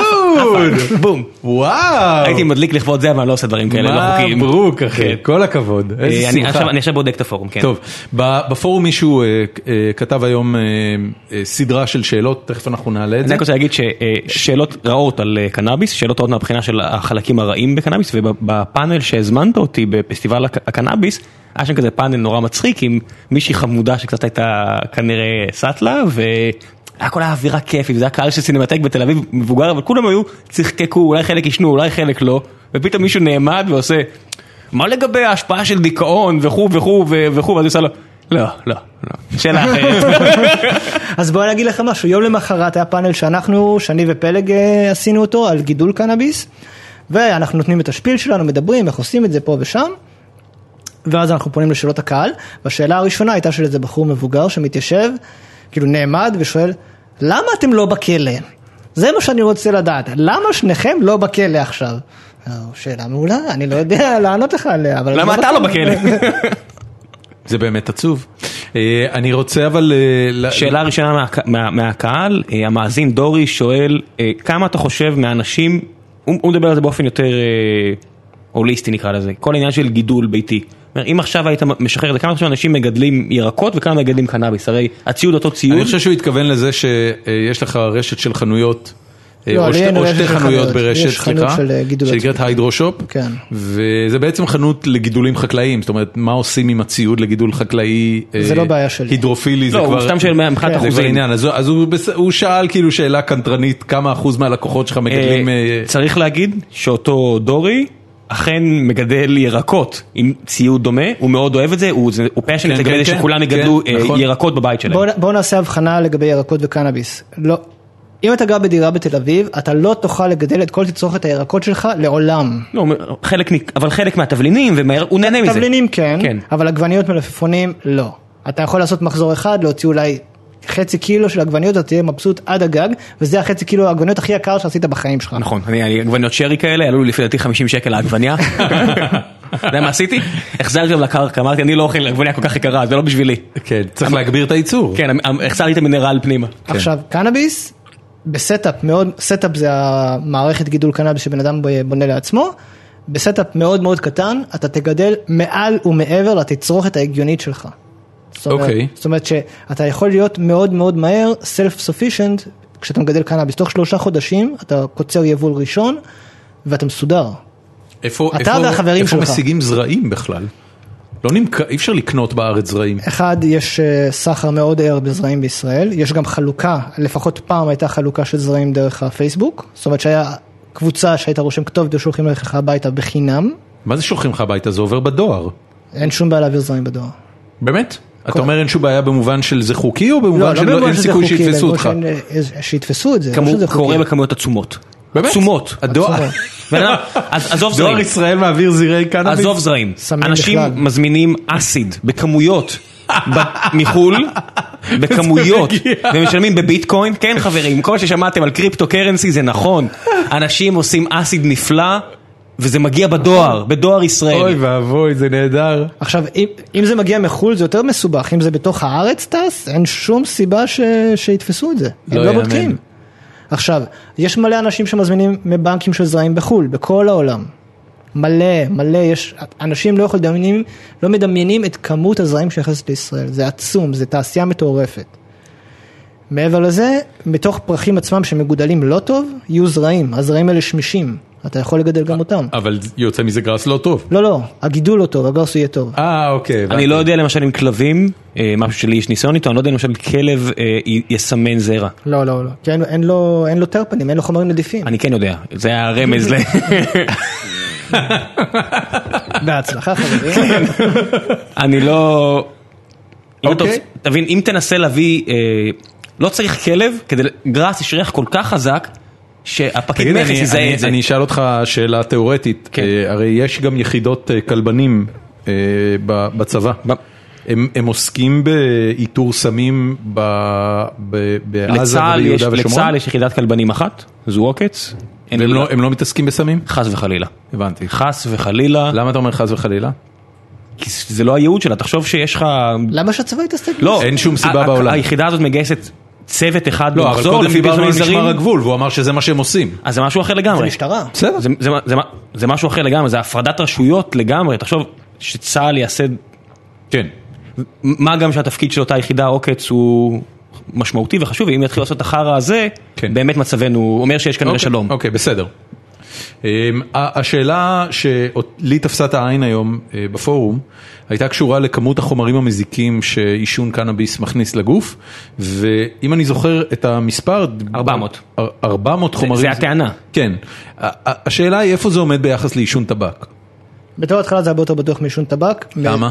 למה? כי כשאתה מעשן טבק אתה לא בעצם מעשן טבק. יש שם המון המון חומרים שמוסיפים אותם מסיבות כאלה ואחרות. למשל בנייר עצמו של סיגריות יש חומר בעירה.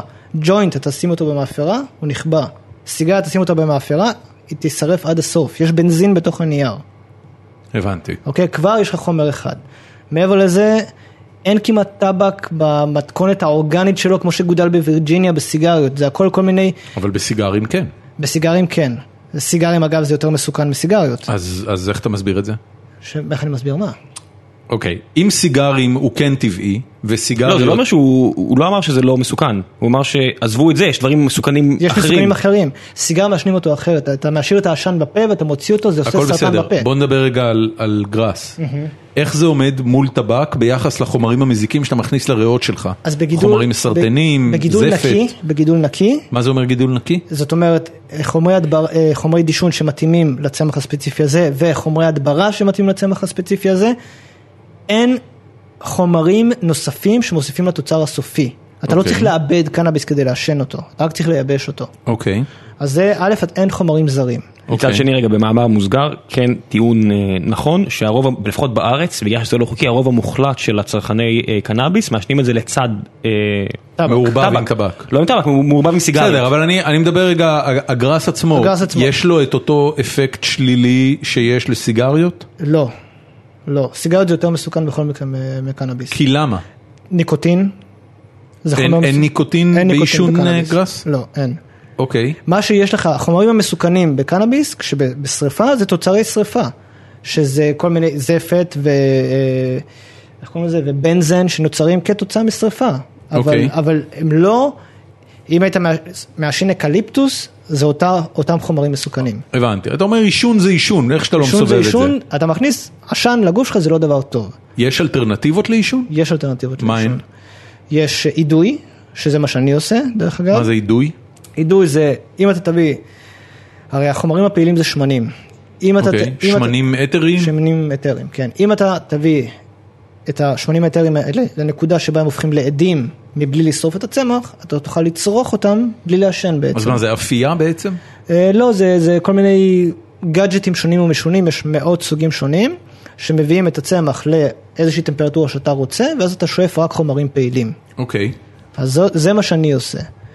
מעבר לזה יש אכילה, אפשר לאכול קנאביס. מה, ספייס קוקיז, מה Space שנקרא? cookies, כן. שמה עושים שמה? שם בדרך כלל מה שעושים, עושים איזשהו מיצוי ב- בשמן, בחמאה למשל, מה, מתגנים את הגראס? מתגנים את הגראס, ואז... או אם- עופים אותו. או עופים אותו, אה, כי ק- קנאביס בכל מקרה צריך לחמם אותו כדי שהוא יהיה פעיל. תאכל קנאביס רוק כמו שהוא, ההשפעה שלו היא מאוד מאוד עדינה. אוקיי. עכשיו, כמו ערך קלורי נמוך לתפוח אדמה. אם הוא כן, זה מבושל. גם תבלינים הם כאלה, אתה כן. צריך לחמם אותם כדי לקבל את- את הטעם שלהם. אז, אה, אז אתה יוצר חמאת קנאביס, שזה בעצם חמאה שמלאה בחומרים פעילים, ואיתה אתה עושה כל דבר, עוגיות, צ'יבה צ'וז. צ'יבה צ'וז? מה זה? צ'יבה צ'וז נמכר בפיצוציות בלוס אנג'לס. אבל מה זה? ממתק, אתה שם צ'יבה צ'ו בפה, אתה נכנס לקול- ל- ל- לראות סרט, עד שהסרט נגמר אתה קולט ש- you messed up, you fucked up, אתה צריך ללכת עכשיו לחדר, לחדר המלון שלך לפי פרסומים זרים ולהבין זה- מה זה, את- טופי? את ה-24 שעות הקרובות, ותוך כדי טלפון עם בן אדם שיגיד לך, אחי, תירגע, ואתה אומר לו, לא, תקשיב, אני הולך למות, אני לא- אני לא יודע- אני לא יודע אם זה ברור לך כמו שזה ברור לי כרגע. זה- זה טופי? מה זה? מה זה צ'יבה צ'וז? זה ממתק. טבק יש- לעיסה? יש- תרשמו צ'יבה צ'וז, אני לא אשים לינק מן הסתם, למה? כי אני לא אשים לינק, יש אתר? כן, צ'יבה אז מה צ'וז, הבעיה? כמות הממתקים שיש, בק- אתה יודע, זה מטורף, סוכריות על מקל, אה, סוכריות גומי, דובוני גומי. וזו, דרך אגב, זו סכנה מאוד רצינית שקורית גם בקולורדו. אה, רגע, רגע, אבל רק שאני אבין, לוס אנג'לס סמים הם לא חוקיים באופן חופשי. יש לך שם, כאילו מאיפה קונים ה- את זה? הקנאביס וואו. הרפואי שם זה ללכת לרופא שלובש, אה, רופאה שלובשת מכנסי דפוקוטי וחזייה, ותמורת 50 דולר היא תיתן לך מרשם תוך רבע שעה פרוצדורה, ואתה יוצא לדיספנסרי, הוא לא ואתה תקנה מגזים, הוא מה שאתה לא רוצה, אני מגזים, לא מגזים, כן, תיירים יכולים לעשות את זה, הם גם עושים את זה, נניח, זאת אומרת זה חוקי, דה פקטו. כן. אתה צריך רישיון, אבל לא, הרישיון שוט- עולה 50 דולר. שוטר אמריקאי, לא יודע אם יצא לכם להתקל פעם בשוטר אמריקאי, זה חוויה מאוד מפחידה, הוא יכול לעשות לך מה שהוא רוצה, וגרוע מכך, אם יש לך עסק כזה, בגלל שזה לא חוקי ברמה הפדרלית, אה, סוואטים יכולים להצמיד את הראש שלך לרצפה ולשים מגף על הגרון שלך, ולקחת לך את כל הכסף מהדיספנסרי שלך, כי זה לא חוקי, צריך להגיד את זה. אז לא הבנתי. יש, לא יש חוקי. סטייט ויש פדרל. ברמת אוקיי. הסטייט זה חוקי, ברמה הפדרלית זה לא חוקי. למשל דיספנסרי, כל הבנקים בארצות הברית הם פדרליים. בן אדם שיש לו עסק של ממכר קנאביס, לא יכול להפקיד את הכסף שלו בבנק. אז מה הוא עושה? קונה בית. הם קונים בתים, ועוד בתים, ועוד זה, בתים. בקולורדו היה אנשים רגע, רגע, שבאו עם... אבל, אבל, אבל, אוקיי, שנייה. את- ברמת הסטייט, בלוס אנג'לס, קליפורניה. קליפורניה, זה לא חוקי. לא. לא, ברמת הסטייט זה, זה חוקי רפואי, אוקיי. ברמה הפדרלית זה לא חוקי בכלל. חוקי רפואי ויש כמות בלתי מוגבלת של רישיונות. זאת אומרת, מוגבלת. כל אחד שצריך כל יכול אחד. לקבל. ודיספ- כל אחד שרוצה, אז אבל- לא צריך. כן, אבל רוצה. ו- דיספנסרי זה יכולים- ודיספנסרי מה זה? זה חנות? חנות, כן. אבל הסוואט, ה-FBI, לצורך העניין, איזשהו צוות, אה, אה, פרי צוות הת- הת- אה, השתלטות, יכול להיכנס פנימה ולהגיד, אנחנו יודעים שמכרת גם אנשים בלי, אם, מה זה משנה, לך תח- לך תחפש, יקחו לך את כל הכסף, זה מה שנקרא סיז'ר, יעשו לך דברים שאתה רואה רק במדינות עולם שלישית, וישאירו אותך רצוץ, שוכב על הרצפה, וכל הכסף אצלהם. אז זה לא חוקי. גם זה- בקולורדו אז, זה אז ככה. הדיספנסרי הוא לא חוקי? לא, הם יכולים לא, פשוט הכל להגיד, חוקי. הם פשוט יכולים להגיד, אנחנו יודעים שמכרת לאנשים בלי רישיון, לצורך העניין. כמה הם פעמים זה אפילו לא קרה צריכים את בשנים התירוץ הזה. האחרונות? הם לא צריכים את התירוץ הזה אפילו, זה קורה המון. זה קורה הרבה. למה? כי סתם בא להם כסף? אה, כן. אם תראו למשל את התוכנית של ג'ון אוליבר על סיז'רס, תראו שחלק ניכר מהתקציב של... אה, בכל, עכשיו יש סוואט כזה, עם נגמשים ועם אה, רובי סער ועם ציוד אה, פרא צבאי לגמרי, בכל יחידת, בכל יחידת משטרה בארצות הברית, והכסף הזה מגיע מסיז'רס. הם צריכים עכשיו למלא מצבורים של כסף, הם יפשטו על מקומות זה כאלה. משהו אדיר בארצות הברית. כשהמשטרה מחרימה משהו, הכסף הולך אליה. ל- לתחנה, בור הפנסיה. לתחנה, עזוב פרופנציה, בור לק- ל- לכלי נשק, זה כמו נרקוס. עכשיו אנחנו לא מדברים על דברים שהם, אה, אה, אתה יודע, קונספירציות או כאלה, לכו לג'ון אוליבר, אולי נשים פה לינק ל- לאותו אה, לאותו 15 דקות כתבה שהוא עשה על זה, זה ארצות הברית, זה הטוב והרע. יש מצב ש... אה, אבל בקולורדו זה לא קורה? כי זה זה גם חוקי? קורה, זה גם קורה. זה קורה פחות, הרבה פחות, אבל זה גם קורה. אבל, אבל איך יכול להיות שמשהו יהיה חוקי ברמת הסטייט ואז יבוא נציגי, המשטר הפדרלי. נצ, נצ, נציגי חוק פדרליים ויקחו כסף? כאילו מה זה? זה בדיוק העניין שביקשו זה עסק מאובמה לגיטימי. לעשות, בוא תהפוך את זה לחוקי ברמה הפדרלית, הוא לא עשה את זה לחוקי ברמה הפדרלית, בוא תגיד להם לא להתעסק בזה, הוא לא כן, אמר להם אבל לא איזה, להתעסק איזה בזה. זכות יש לשוטר פדרלי כל זכות שהוא רוצה בעולם. בתוך סטייט. יש לו. יש לו. אם אתה עובר על חוק פדרלי, ריקו למשל, כל האלה של אה, אה, הפשיעה המאורגנת, או אם עברת סטייט ליין, או כל מיני כאלה, ה- הרמה הפדרלית היא מעל הרמה של הסטייט. עכשיו יש לך כל מיני מועמדים, כמו קריס קריסטי ברפובליקנים, כל מיני כאלה, שמבטיחים שאם הם יהיו נשיאים, הם יתנקמו רטרואקטיבית. ואז עולה השאלה, כל המידע הזה שיש עכשיו ל-NSA, אתה יודע, אנשים בוואטסאפ ובג'י צ'אט והכל מדברים חופשי, ואתם אומרים, התחלף הנשיאות, מה יהיה עלינו? מה דעתו של טראמפ על העניין? אני חושב שהוא בעד לגליזציה מלאה. אתה חושב? אני, אני זוכר שגם כן, כן. אפשר לחפש את זה. וקלינטון? קלינטון גם בעד. ברני סנדרס היה מאוד אדבוקט של זה והוא מאוד מנפנף בדגל הזה של קנאביס כן כן כן אנחנו נדחוף את זה קדימה הוא גם מתחבר לכמה ראפרים. בקיצור, בקיצור אתה, אתה אומר רוב הסיכויים ש, שהנשיא הבא של ארה"ב אני יותר- יוביל את אני יותר ארה"ב מאמין ללגליזציה. שטראמפ יוביל את זה ללגליזציה מאשר קלינטון אני לא מאמין שטראמפ ייבחר אבל אה, הוא נראה לי יותר אה, לפי סקר של CNN היום הוא מוביל בחמישה אחוז. כן? וואו זה יהיה מטורף. זה יהיה מדהים. פרזידנט טראמפ. כן, זה ברמה, זה כאילו, כולם... the commander in chief people. זה I started a joke והם לא ידעו מתי לעצור. למה? בחייך. זה- זה רק מראה לך שבארצות הברית כל אחד יכול להיות נשיא. סבבה אז דבר הנשיא ראשון, הבא קניה כן. ווסט שיחקנו אותה. דבר ראשון, ארדואן מרים אליו טלפון, אחי, אפשר לקבל את הבחור ההוא אצלכם? אני מסדר לך פרסט קלאס. יש לי איזה מישהו בפנסילבניה שנלחם עליו, יש תסדר לי מצב שהוא משהו. הוא הראשון שעוזב את המדינה אחרי שטראמפ נבחר. ההוא כן, כמו טיל. איך קוראים לו? פתואל? פתואה גולן. פתואל גולן. יש שם איזה איוק כזה שאי אפשר לבטא את זה. וואו, וואו. אוקיי, אני, אפשר לחזור ל- לסיפור של כהנא? כן. אז אה, הקמתם את העמותה הזאת, זו עמותה רשמית? זה עמותה רשומה כן. ממה היא ממומנת? היא ממומנת בעיקר מהכספים שאנחנו מזרימים פנימה. ומה היא עושה? מה הפעילויות שלה? מה הפעילות של הדבר שאנחנו מפעילים את אה, מגזין קאנה שזה קאנה co.il אנחנו מתפעלים דף פייסבוק מאוד מאוד גדול שהשבוע חצה את רף ה-20 אלף מזל לייקים. טוב. תודה רבה. אה, אנחנו מנסים להעביר מידע על קנאביס באופן כללי, על גידול עצמי של קנאביס. אה, פרסמנו את המדריך הישראלי לגידול קנאביס, שזו הייתה עבודה אינטנסיבית מאוד לפרסם אותו. לפני שבועיים היה את אה, סופה של סרטי קנאביס בסינמטק תל אביב, של יומיים של סרטים שקשורים לקנאביס, שזה היה דוקומנטרי, קומדיות. פשוט אנחנו רוצים לצאת עם כל הנושא הזה ולהביא אותו לקהל הרחב. ב- בגישה של כאילו, כמו שאנחנו עושים פה, בואו תשאלו שאלות ובואו נדבר עובדות, אין פה, אנחנו לא מסתירים שום דבר, יש נזקים, בואו נדבר עליהם, יש דברים טובים, בואו נדבר עליהם, אבל שהדיון בקנאביס יהיה ענייני. איך ה...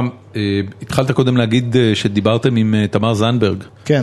אה, איך המערכת הפוליטית, שאני מניח שפניתם אליהם לא פעם, איך המערכת הפוליטית מגיבה לפעילות שלכם? מה התגובות שאתם מקבלים שם? תראה, בתור התחלה, כל פוליטיקאי שהעז לגעת בנושא הזה, ואני מדבר פה על שרן השכל, ועל תמר זנדברג ועל פייגלין, זה להוריד את הכובע. כי ברגע שאתה מזכיר את המילה קנאביס, ואולי כדאי לעשות שינוי, כולם מתייחסים אליך כאל עב"ם. ואתה מקבל הרבה מאוד התנגדות גם בתוך המפלגה שלך. כן. אז האנשים האלה פתוחים, ואני גם מאמין שבישראל יש פה איזה עניין של חילופי דורות שהוא בלתי נמנע. שרן השכל זו בחורה שבנסיבות ובהכל, אני בטוח שכאילו היא משלנו. ואמיר היא אוחנה, לגמרי משלנו, היא מהליכודניקים החדשים. כן, אני, אני לא, אין לי בעיה לדמיין אותה במסיבת טבע. אה, לא בטוח, היא הייתה בדיבייט קלאב, היא נראית לי חננה לא קטנה, אבל היא מבינה, אתה יודע, יש לה חברים, הכל אז בסדר. סבבה. שבאת ויפתיע אותך אנשים שמגיעים לשם. כן, הכל בסדר. אני- אני- אני לא מטיל בספק, היא מותק של אה, חברת כנסת ובן אדם. אבל הבעיה העיקרית מבחינת פוליטיקאים, וזו הבעיה הכללית של כל המערכת, שוב, כמו שאמרתי בהתחלה, אני לא רואה קונספירציות, אני רואה שמרנות. הם, הם לא יודעים על זה כלום, הם מפחדים לגעת בזה, הם לא יודעים מה המשמעות של זה. אני, אני אשאל אותך רגע, כי אתה יודע, אני הייתי אה, הרבה פעמים בתחושה שדווקא במגזרים אה, אה, שמרניים יותר, במגזר אה, החרדי ובמגזר הערבי, אה, שבהרבה מאוד תחומים הם שמרניים יותר מהמגזר החילוני ממלכתי נקרא לזה, כן. אה, אני מקבל תחושה שדווקא שם הנושאים האלה הם אפילו יותר קלים מאשר במגזר החילוני. זאת אומרת, אף שוטר לא יעלה בדעתו להיכנס לכפר ערבי כדי לחפש שם ג'וינטים, או או נקודה. או... סליחה? או נקודה. מה זה או- נקודה? לא ייכנס לא לכפר ייכנס ערבי לכפר נקודה. אה, ערבי. נקודה. נקודה. ו- וגם לא לבני ברק. נכון. זאת אומרת, החבר'ה בישיבס יכולים יום שישי להעביר ג'וינטים. הם מעבירים. הם מעבירים. ו- מה, ה- ה- יש לנו מספרים לגבי החדירה של אה, אה, צרכנות סמים קלים אה, בין בין המגזרים? לא זאת אומרת, התחושה לא הזאת שאני היא מודע תחושה להם, מבוססת? אבל בתור התחלה בוא ניקח כמה דברים שהם אקסיומטיים. למוסלמים הם לא שותים אלכוהול, הם כן מעשנים חשיש. מ- מ- מוסלמים אדוקים, כן, אדוקים, בוא כן. בוא נגיד, אנחנו יהודים ואנחנו אוכלים חזיר, לצורך העניין, עכשיו, לא יודע. זה חלק... אתה יכול לקרוא לעצמך יהודי, זה לא הופך אותך ליהודי. מקבל, והם לא מוסלמים, זה לא טוב, כן. אבל, אבל תרבותית זה, זה חלק מהתרבות, כאילו בדואים וואלה מעשנים חשיש, כאילו זה חלק מה, מהאורח חיים שלהם.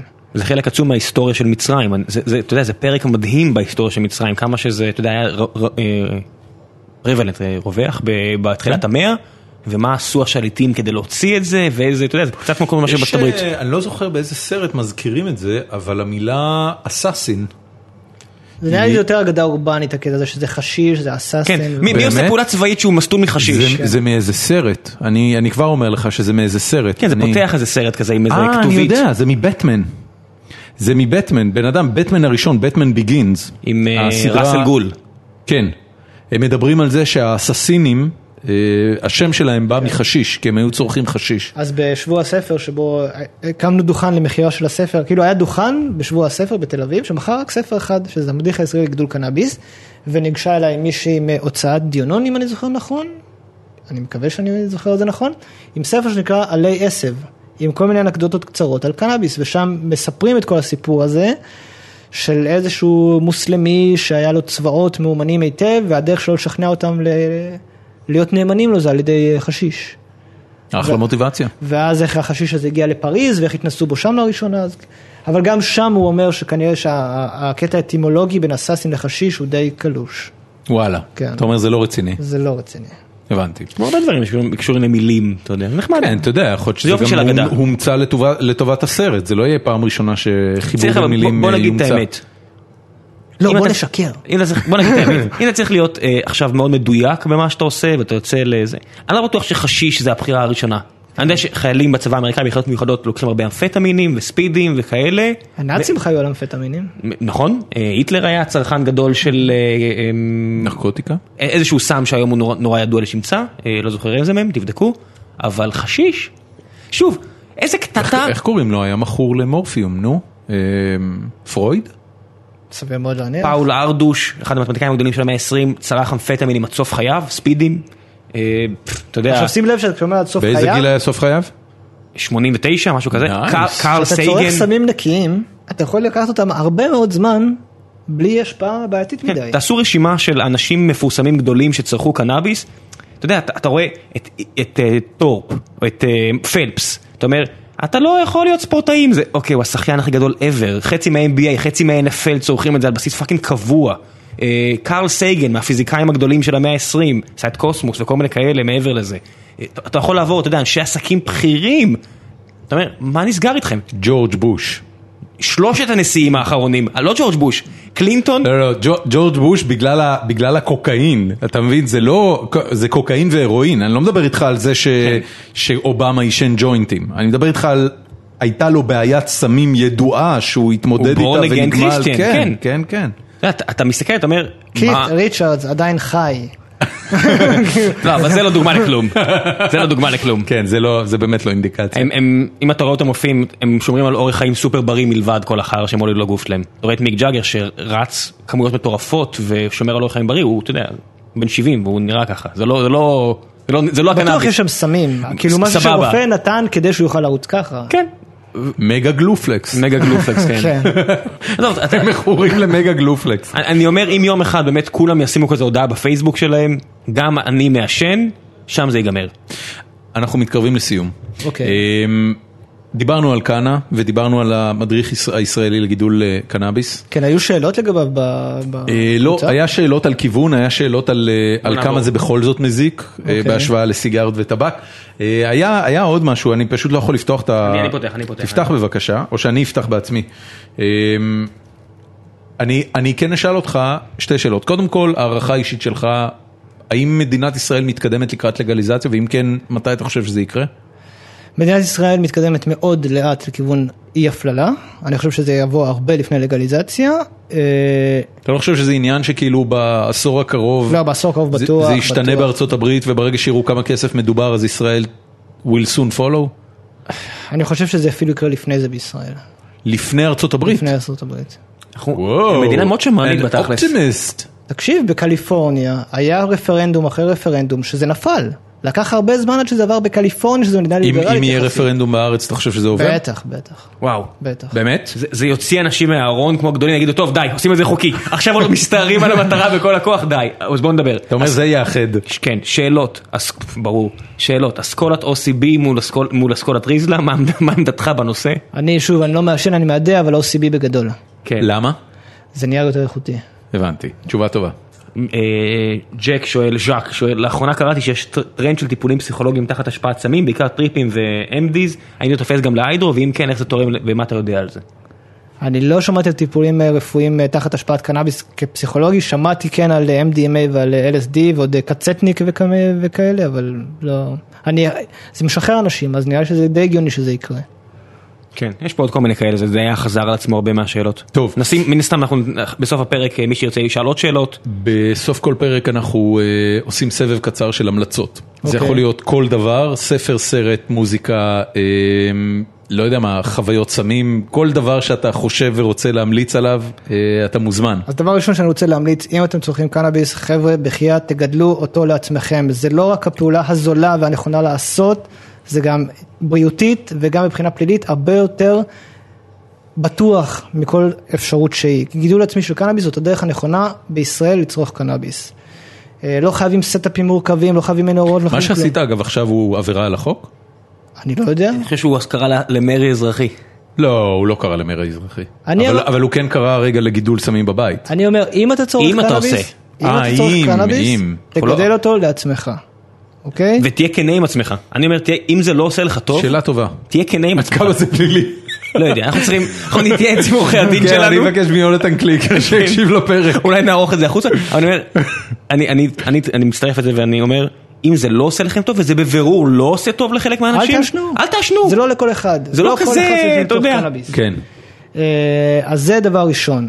ושוב אני מסייג את זה, אם אתה צורך קנאביס, הדרך הנכונה לצורך קנאביס זה לגדל אותו לעצמך, אין פה שום המלצה לשום דבר. מעבר לזה, אה, ספרים, אה, הספר שלך? הספר שלי, המדריך אנחנו הישראלי נשים לגידול לינק אליו, קנאביס, כמובן. זה ספר. אני מקבל עליו ביקורות מאוד טובות, אה, אני לא אוהב, אה, לא יודע, אני לא, אין הנחתום אה, מעיד על יש, אישתו. יש כזה ציטוטים מאחורה של כל מיני אנשים שכותבים זה חומר טוב או כן, זה זרק אותי רחוק. זו- זו המהדורה הראשונה, אולי במהדורות הבאות תהיה, כן. הבנתי. אבל לאנשים נראה שהם מרוצים ממנו ואני מקבל כמה, פידבקים כמה עותקים טובים. נמכרו עד היום? אה, אחד בשבוע הספר האחרון זה היה הספר הכי נמכר כנראה, You gotta be shitting me. I'm not shitting you, מה זה הכי נמכר? על מה אנחנו מדברים? על מאות עותקים? על אלפי מאות, עותקים? מאות, כן. מכרת מאות עותקים בשבוע הספר. כן. אוי זה נפלא. זה מרי אזרחי. ומ- אה, לא, זה הצבעה ברגליים, זה כלכלה חופשית, אם ו- כבר. ומ- וזה זה היה דוכן שמח, אנשים באו, הצטלמו איתנו וזה, זה היה מעולה. מגניב לגמרי. קישטתם בעלים והכל? קישטנו, היה שני צמחים בפלסטיק. נייס, ו- כן, נייס. זה היה מגניב איזה תמיד. כיף. ובכלל נמכרו אלפי עותקים עד עכשיו מהספר. נהדר. אנחנו כבר, המהדורה הראשונה הסתיימה, אנחנו עמוק לתוך הסוף של המהדורה השנייה. כל הכבוד. יש שינויים במהדורה השנייה? עדכנתם משהו? במהדורה השלישית אנחנו רוצים לעשות כמה עדכונים. יש אה, כמה פרקים שהם נראו לנו מקצועיים מדי בשביל המהדורה הראשונה, ואמרנו יאללה בוא, בוא נלך גם על זה. אה, אז זה כן יהיה שינוי, אבל אני מבטיח שהשינויים האלה גם יהיו חינמים באינטרנט, אז מי שיש לו את המהדורה הראשונה יוכל להוריד קבצי PDF עם כל הפרקים שהיו נהדר. חסרים. עוד עוד המלצות. אני קורא עכשיו ספר מאוד מעניין, אה, אותי הוא מעניין, שנקרא White Rush, ההיסטוריה של ה-White Rush בארצות הברית, מהרגע שהבריטים הגיעו ל- לארצות הברית אה, ועד היום, וזה אוקיי. פשוט מרתק, כי אחד אני לומד המון על היסטוריה אמריקאית שלא הייתי מודע אליה, וגם שם נכנס כל הקטע של... אה, איך זה נקרא? White Rush, The 400 History אה, of the כן, Underclass in America.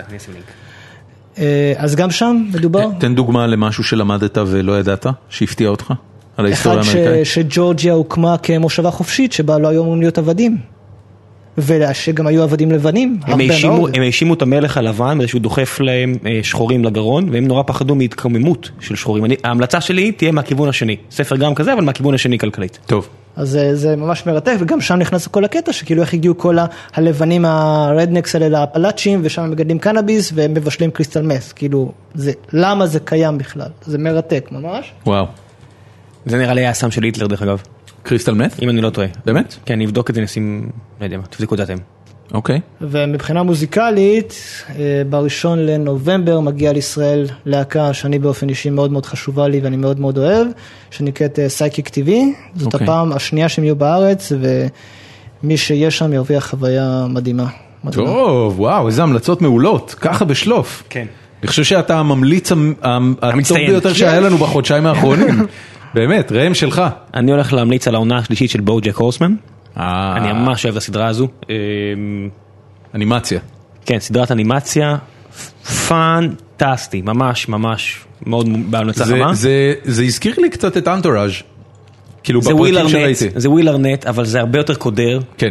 ואתה מסיים לפעמים פרקים ואתה אומר, "איי, אני מרגיש שצבטו אותי מבפנים, אוקיי, בואו. וזה הולך ומשתבח כן. לפי דעתי. אה, וההס- והס- וההמלצה השנייה זה- זה ספר שהוא הכיוון השני של אה, ההמלצה הקודמת על אה, ספר היסטוריה אמריקאית, אני רוצה להמליץ על ההיסטוריה העממית של ארה"ב מאת האוורד זין. אה, זה פחות או קראתי יותר אותו. החבר של נועם חומסקי מבחינת... אה, שמאל קיצוני. שמאל קיצוני קיצוני קיצוני, אבל ספר סופר מעניין שסוקר את ההיסטוריה של ארצות הברית מהמתיישב הלבן הראשון ועד הלום, ממש עד הלום, מכיוון מאוד שונה. זאת אומרת, אם הוא מנתח את המהפכה, מ- מה- אה, מהפכת העצמאות, האמר- מלחמת העצמאות האמריקאית, אז הוא מראה את זה דווקא מהכיוון שג'ורג' וושינגטון היה הבן אדם הכי עשיר, וג'ון הנקוק היה אחד העשירים אחריו, וכמה הם דאגו ממרד של ה-white trash שהגיעו, וכמה הם דאגו ממה מה הם עשו, וכמות המרידות שהיו בתקופה ההיא, וכמות האנשים שאמרו, fuck that shit, אני לא נלחם באנגלים, אני שונא אתכם באותה מידה, וכמה, כן, והם גם תתעטו את הראו זה, שלא משנה מה קרה, האזרח הפשוט תמיד נדפק. תמיד. זה לא היה לטובתו. זה מסורת. ככה בונים מסורת. כן, מסורת עתיקת יומין של לזיין את המעמד הנמוך, ושהמעמד הגבוה נשאר מעמד גבוה בהסתברות גבוהה, וזה ספר מרתק, הוא ענק, הוא לא יודע מה, איזה 700-800 עמודים, אז אי אפשר לקרוא אותו, הוא גם מכעיס, אז צריך- אי אפשר לקרוא אותו בבת אחת. קוראים פרק, מתעצבנים וממשיכים אחרי שבוע. כן, משהו כזה. גדול. אני מאוד ממליץ. טוב, אה, שתי ההמלצות שלי, קודם כל אה, סדרה שנתתי עליה איזה, איזה heads up קטן בשבוע שעבר בשם Stranger Things, אה, סדרה חדשה של נטפליקס, שמונה פרקים, אם אני לא טועה, או עשרה פרקים אה, שאפשר להוריד כבר בבינג' אה, ולצפות בהם בחתיכה אחת. או ל- או לראות חוקית אם אתם אה, מפחדים. כן, נטפליקס, נכון. כן. אפשר להוריד אותה מנטפליקס. אמ, אני ראיתי עד עכשיו שלושה פרקים, זה מתקדם קצת לאט לטעמי, אבל עדיין זה ממש מצוין, וזה כולל המון המון המון רפרנסים ל-E.T. ופולטרגייסט, גוניז. וקצת גוניז. אמ, הר- הרבה, הרבה סרטים אה, שרצו באייטיז, אה, ובאופן מפתיע אני, אני, אני כל הזמן מחפש בסדרה הזאת, בגלל שהיא כאילו, היא מתרחשת בשנת 83, וכל העיצוב ה- האומנותי שלה הוא כולו מותאם לתקופה, והפסקול מותאם לתקופה, וה, והמוזיקה מותאמת לתקופה, ואני כל הזמן מחפש לראות אם, אם משהו שם חצה את הקו מסדרת טלוויזיה טובה ללהיות משהו שהוא קצת קלישאתי. והם מצליחים ללכת על הקו הזה בצורה נורא נורא נורא מדויקת. כמו טור- כמו טור דטקטיב עונה מספר אחת. כן, כן. אה, זה, זה קצת פחות אה, אה, out there, true detective זה ממש תחושה של עולם משוגע, וזה מרגיש עולם קצת יותר נורא, אבל, אבל עדיין, פשוט סדרה אגב, טובה. ווייט ראש, טרו דטקטיב, זה בכלל נכנס שם בהגדרה לגמרי, כל מה שקורה שם בביצות האלה. כן, ו- אז, אה, אז לא, פה זה, זה פרברים יחסית נורמטיביים, אבל לא משנה, עדיין, סדרה טובה, פשוט סדרה אנשים טובה. שם ביצות מצביעים את טראמפ. זה, זה, זה טלוויזיה טובה. אני חושב, יש לי עכשיו תיאוריה שפיתחתי אותה בימים האחרונים, שעדיף לראות כל סדרה מהפרק השלישי. אה, זה, זה, זה נקודה מעניינת, אה, זה נקודה מעניינת. בורדוורק אמפייר. הפרק הראשון שסקורסזה ב- אה, בימה, אה, השעה וחצי מדהימות. ואז זה קצת צולל, ולפי דעתי זה ממשיך בקו עלייה. לי אמרו את זה על The Wire, שרק בפרק השלישי אתה מתחיל להבין מה לעזאזל הולך פה. אבל זה מכוון. וכן, לא, אני, אני, אני פשוט לא הרגשתי ככה. גם, גם בסדרה הזו, ב-Stranger Things, שנייה, The Wire אתה רואה עם אה, כתוביות? כי זה לא טוב. אמ, באמת? אני, באמת. אני חושב הנה שאני המלצה, רואה את זה בלי תראו- כתוביות. תראו הסמויה בלי כתוביות. עדיף לראות את זה בלי כתוביות, גם לא, היוצר אין, של אני, הסרט. לא, אני לא חושב שיש כתוביות. יש, יש, יש. יש. באנגלית, במינימום יש כתוביות באנגלית. כן, לא, אני לא, אני לא רואה את זה עם כי הוא כתוביות. אמר, אתה, כי כשהוא יצר את הסדרה, הוא אמר שאחד הדברים שהוא רוצה, שאתה תיכנס לכל ה- הדיסאוריינטציה הזאת, שאתה לא מבין את ה, לא את העבריינים ולא את השוטרים, כי לכולם יש את השפה שלהם, ואחרי אתה מבין, כמה גם- זמן אתה גם תלמד את זה. גם את זה אמרו לי, ואני לא מרגיש את זה. אני לא יודע, י- יש מה? משהו... אתה תקשיב, מבין מה הם אומרים? כן, לגמרי. יש משהו ב-The Wire, אני, אני מאוד אוהב סרטי פשע, אני חושב שכל סרט פשע אה, וכל סדרת פשע ראיתי במהלך ה-20 שנה האחרונות, ואחד הסרטים אה, שאני נורא נורא אהבתי אה, בשנות התיכון שלי זה סרט שקראו לו... אה, אה, קראו לו ניו ג'ק סיטי. אדיר. עם מריו ון פיבלס. אה, והסצנה, ועם Ice-T, לא? ועם אייסטי, כן, והסצנה המופלאה של הבנות עם הציצי החשוף שמייצרות קוקאין. כן. ב- ששחזרו אותו בקוטג'ים. במלא סרטים. מלא סרטים, אבל זה היה הראשון. כן. וזה סרט שעבר מתחת לרדאר בקולנועים הישראלים, יכול להיות בגלל שהוא היה פשוט בוטה מדי וקשה מדי לצפייה, הוא מתאר מציאות נורא נורא קודרת. כן. והוא הטריף אותי. הוא מה, כמו הטריף אותי. הוא- קלוקרס של ספייק לי, ופרש של בועז כן, זה- זכין. זה ה- והאנלוגיה שאני, אתה יודע, בשבילי ניו ג'ק סיטי זה זה עיר האלוהים אה, האמריקאי. האמריקאי. ו-The Wire, גם בעיר האלוהים יש את הסצנה הזאת, נכון, שהן חשופות חזה והן מכינות כן, קוק. כן, כן, כן, כן. The Wire נורא מזכיר את ניו ג'ק סיטי, כאילו זה נראה ממש כאילו עשו סדרה מהסרט הזה. זה כאילו שניהם מבוססים על מציאות. כן. אתה מודע לזה שיש גם The Corner לפני The Wire? לא. אז זו סדרה של שישה פרקים. Coroner? The corner, The Corner. הפינה. אה, הפינה. The Corner, אוקיי, שהוא הכין אותה על מנת להתכונן ל-The Wire. הבנתי, אז חלק מהדמויות נמצאות שם, חלק מהדמויות זה לא, אותם לא שמעתי על זה אפילו שחקנים עד עכשיו. בתפקידים אחרים. מעניין. כן. טוב, בזאת סיימנו, אה, בזאת סיימנו המלצות, אנחנו היינו גיקונומי. יאיר אביב, המון המון תודה לך תודה שבאת, רבה לכם זה היה שהזמנתם ממש מעניין ואינפורמטיבי. נקווה שלא נסיים בכלא. ו- גם אני. אם כן זה יהיה מעניין, כן. אנחנו היינו גיקונומי, תשמעו לי את הסבון! נתראה בשבוע הבא, ביי. ביי.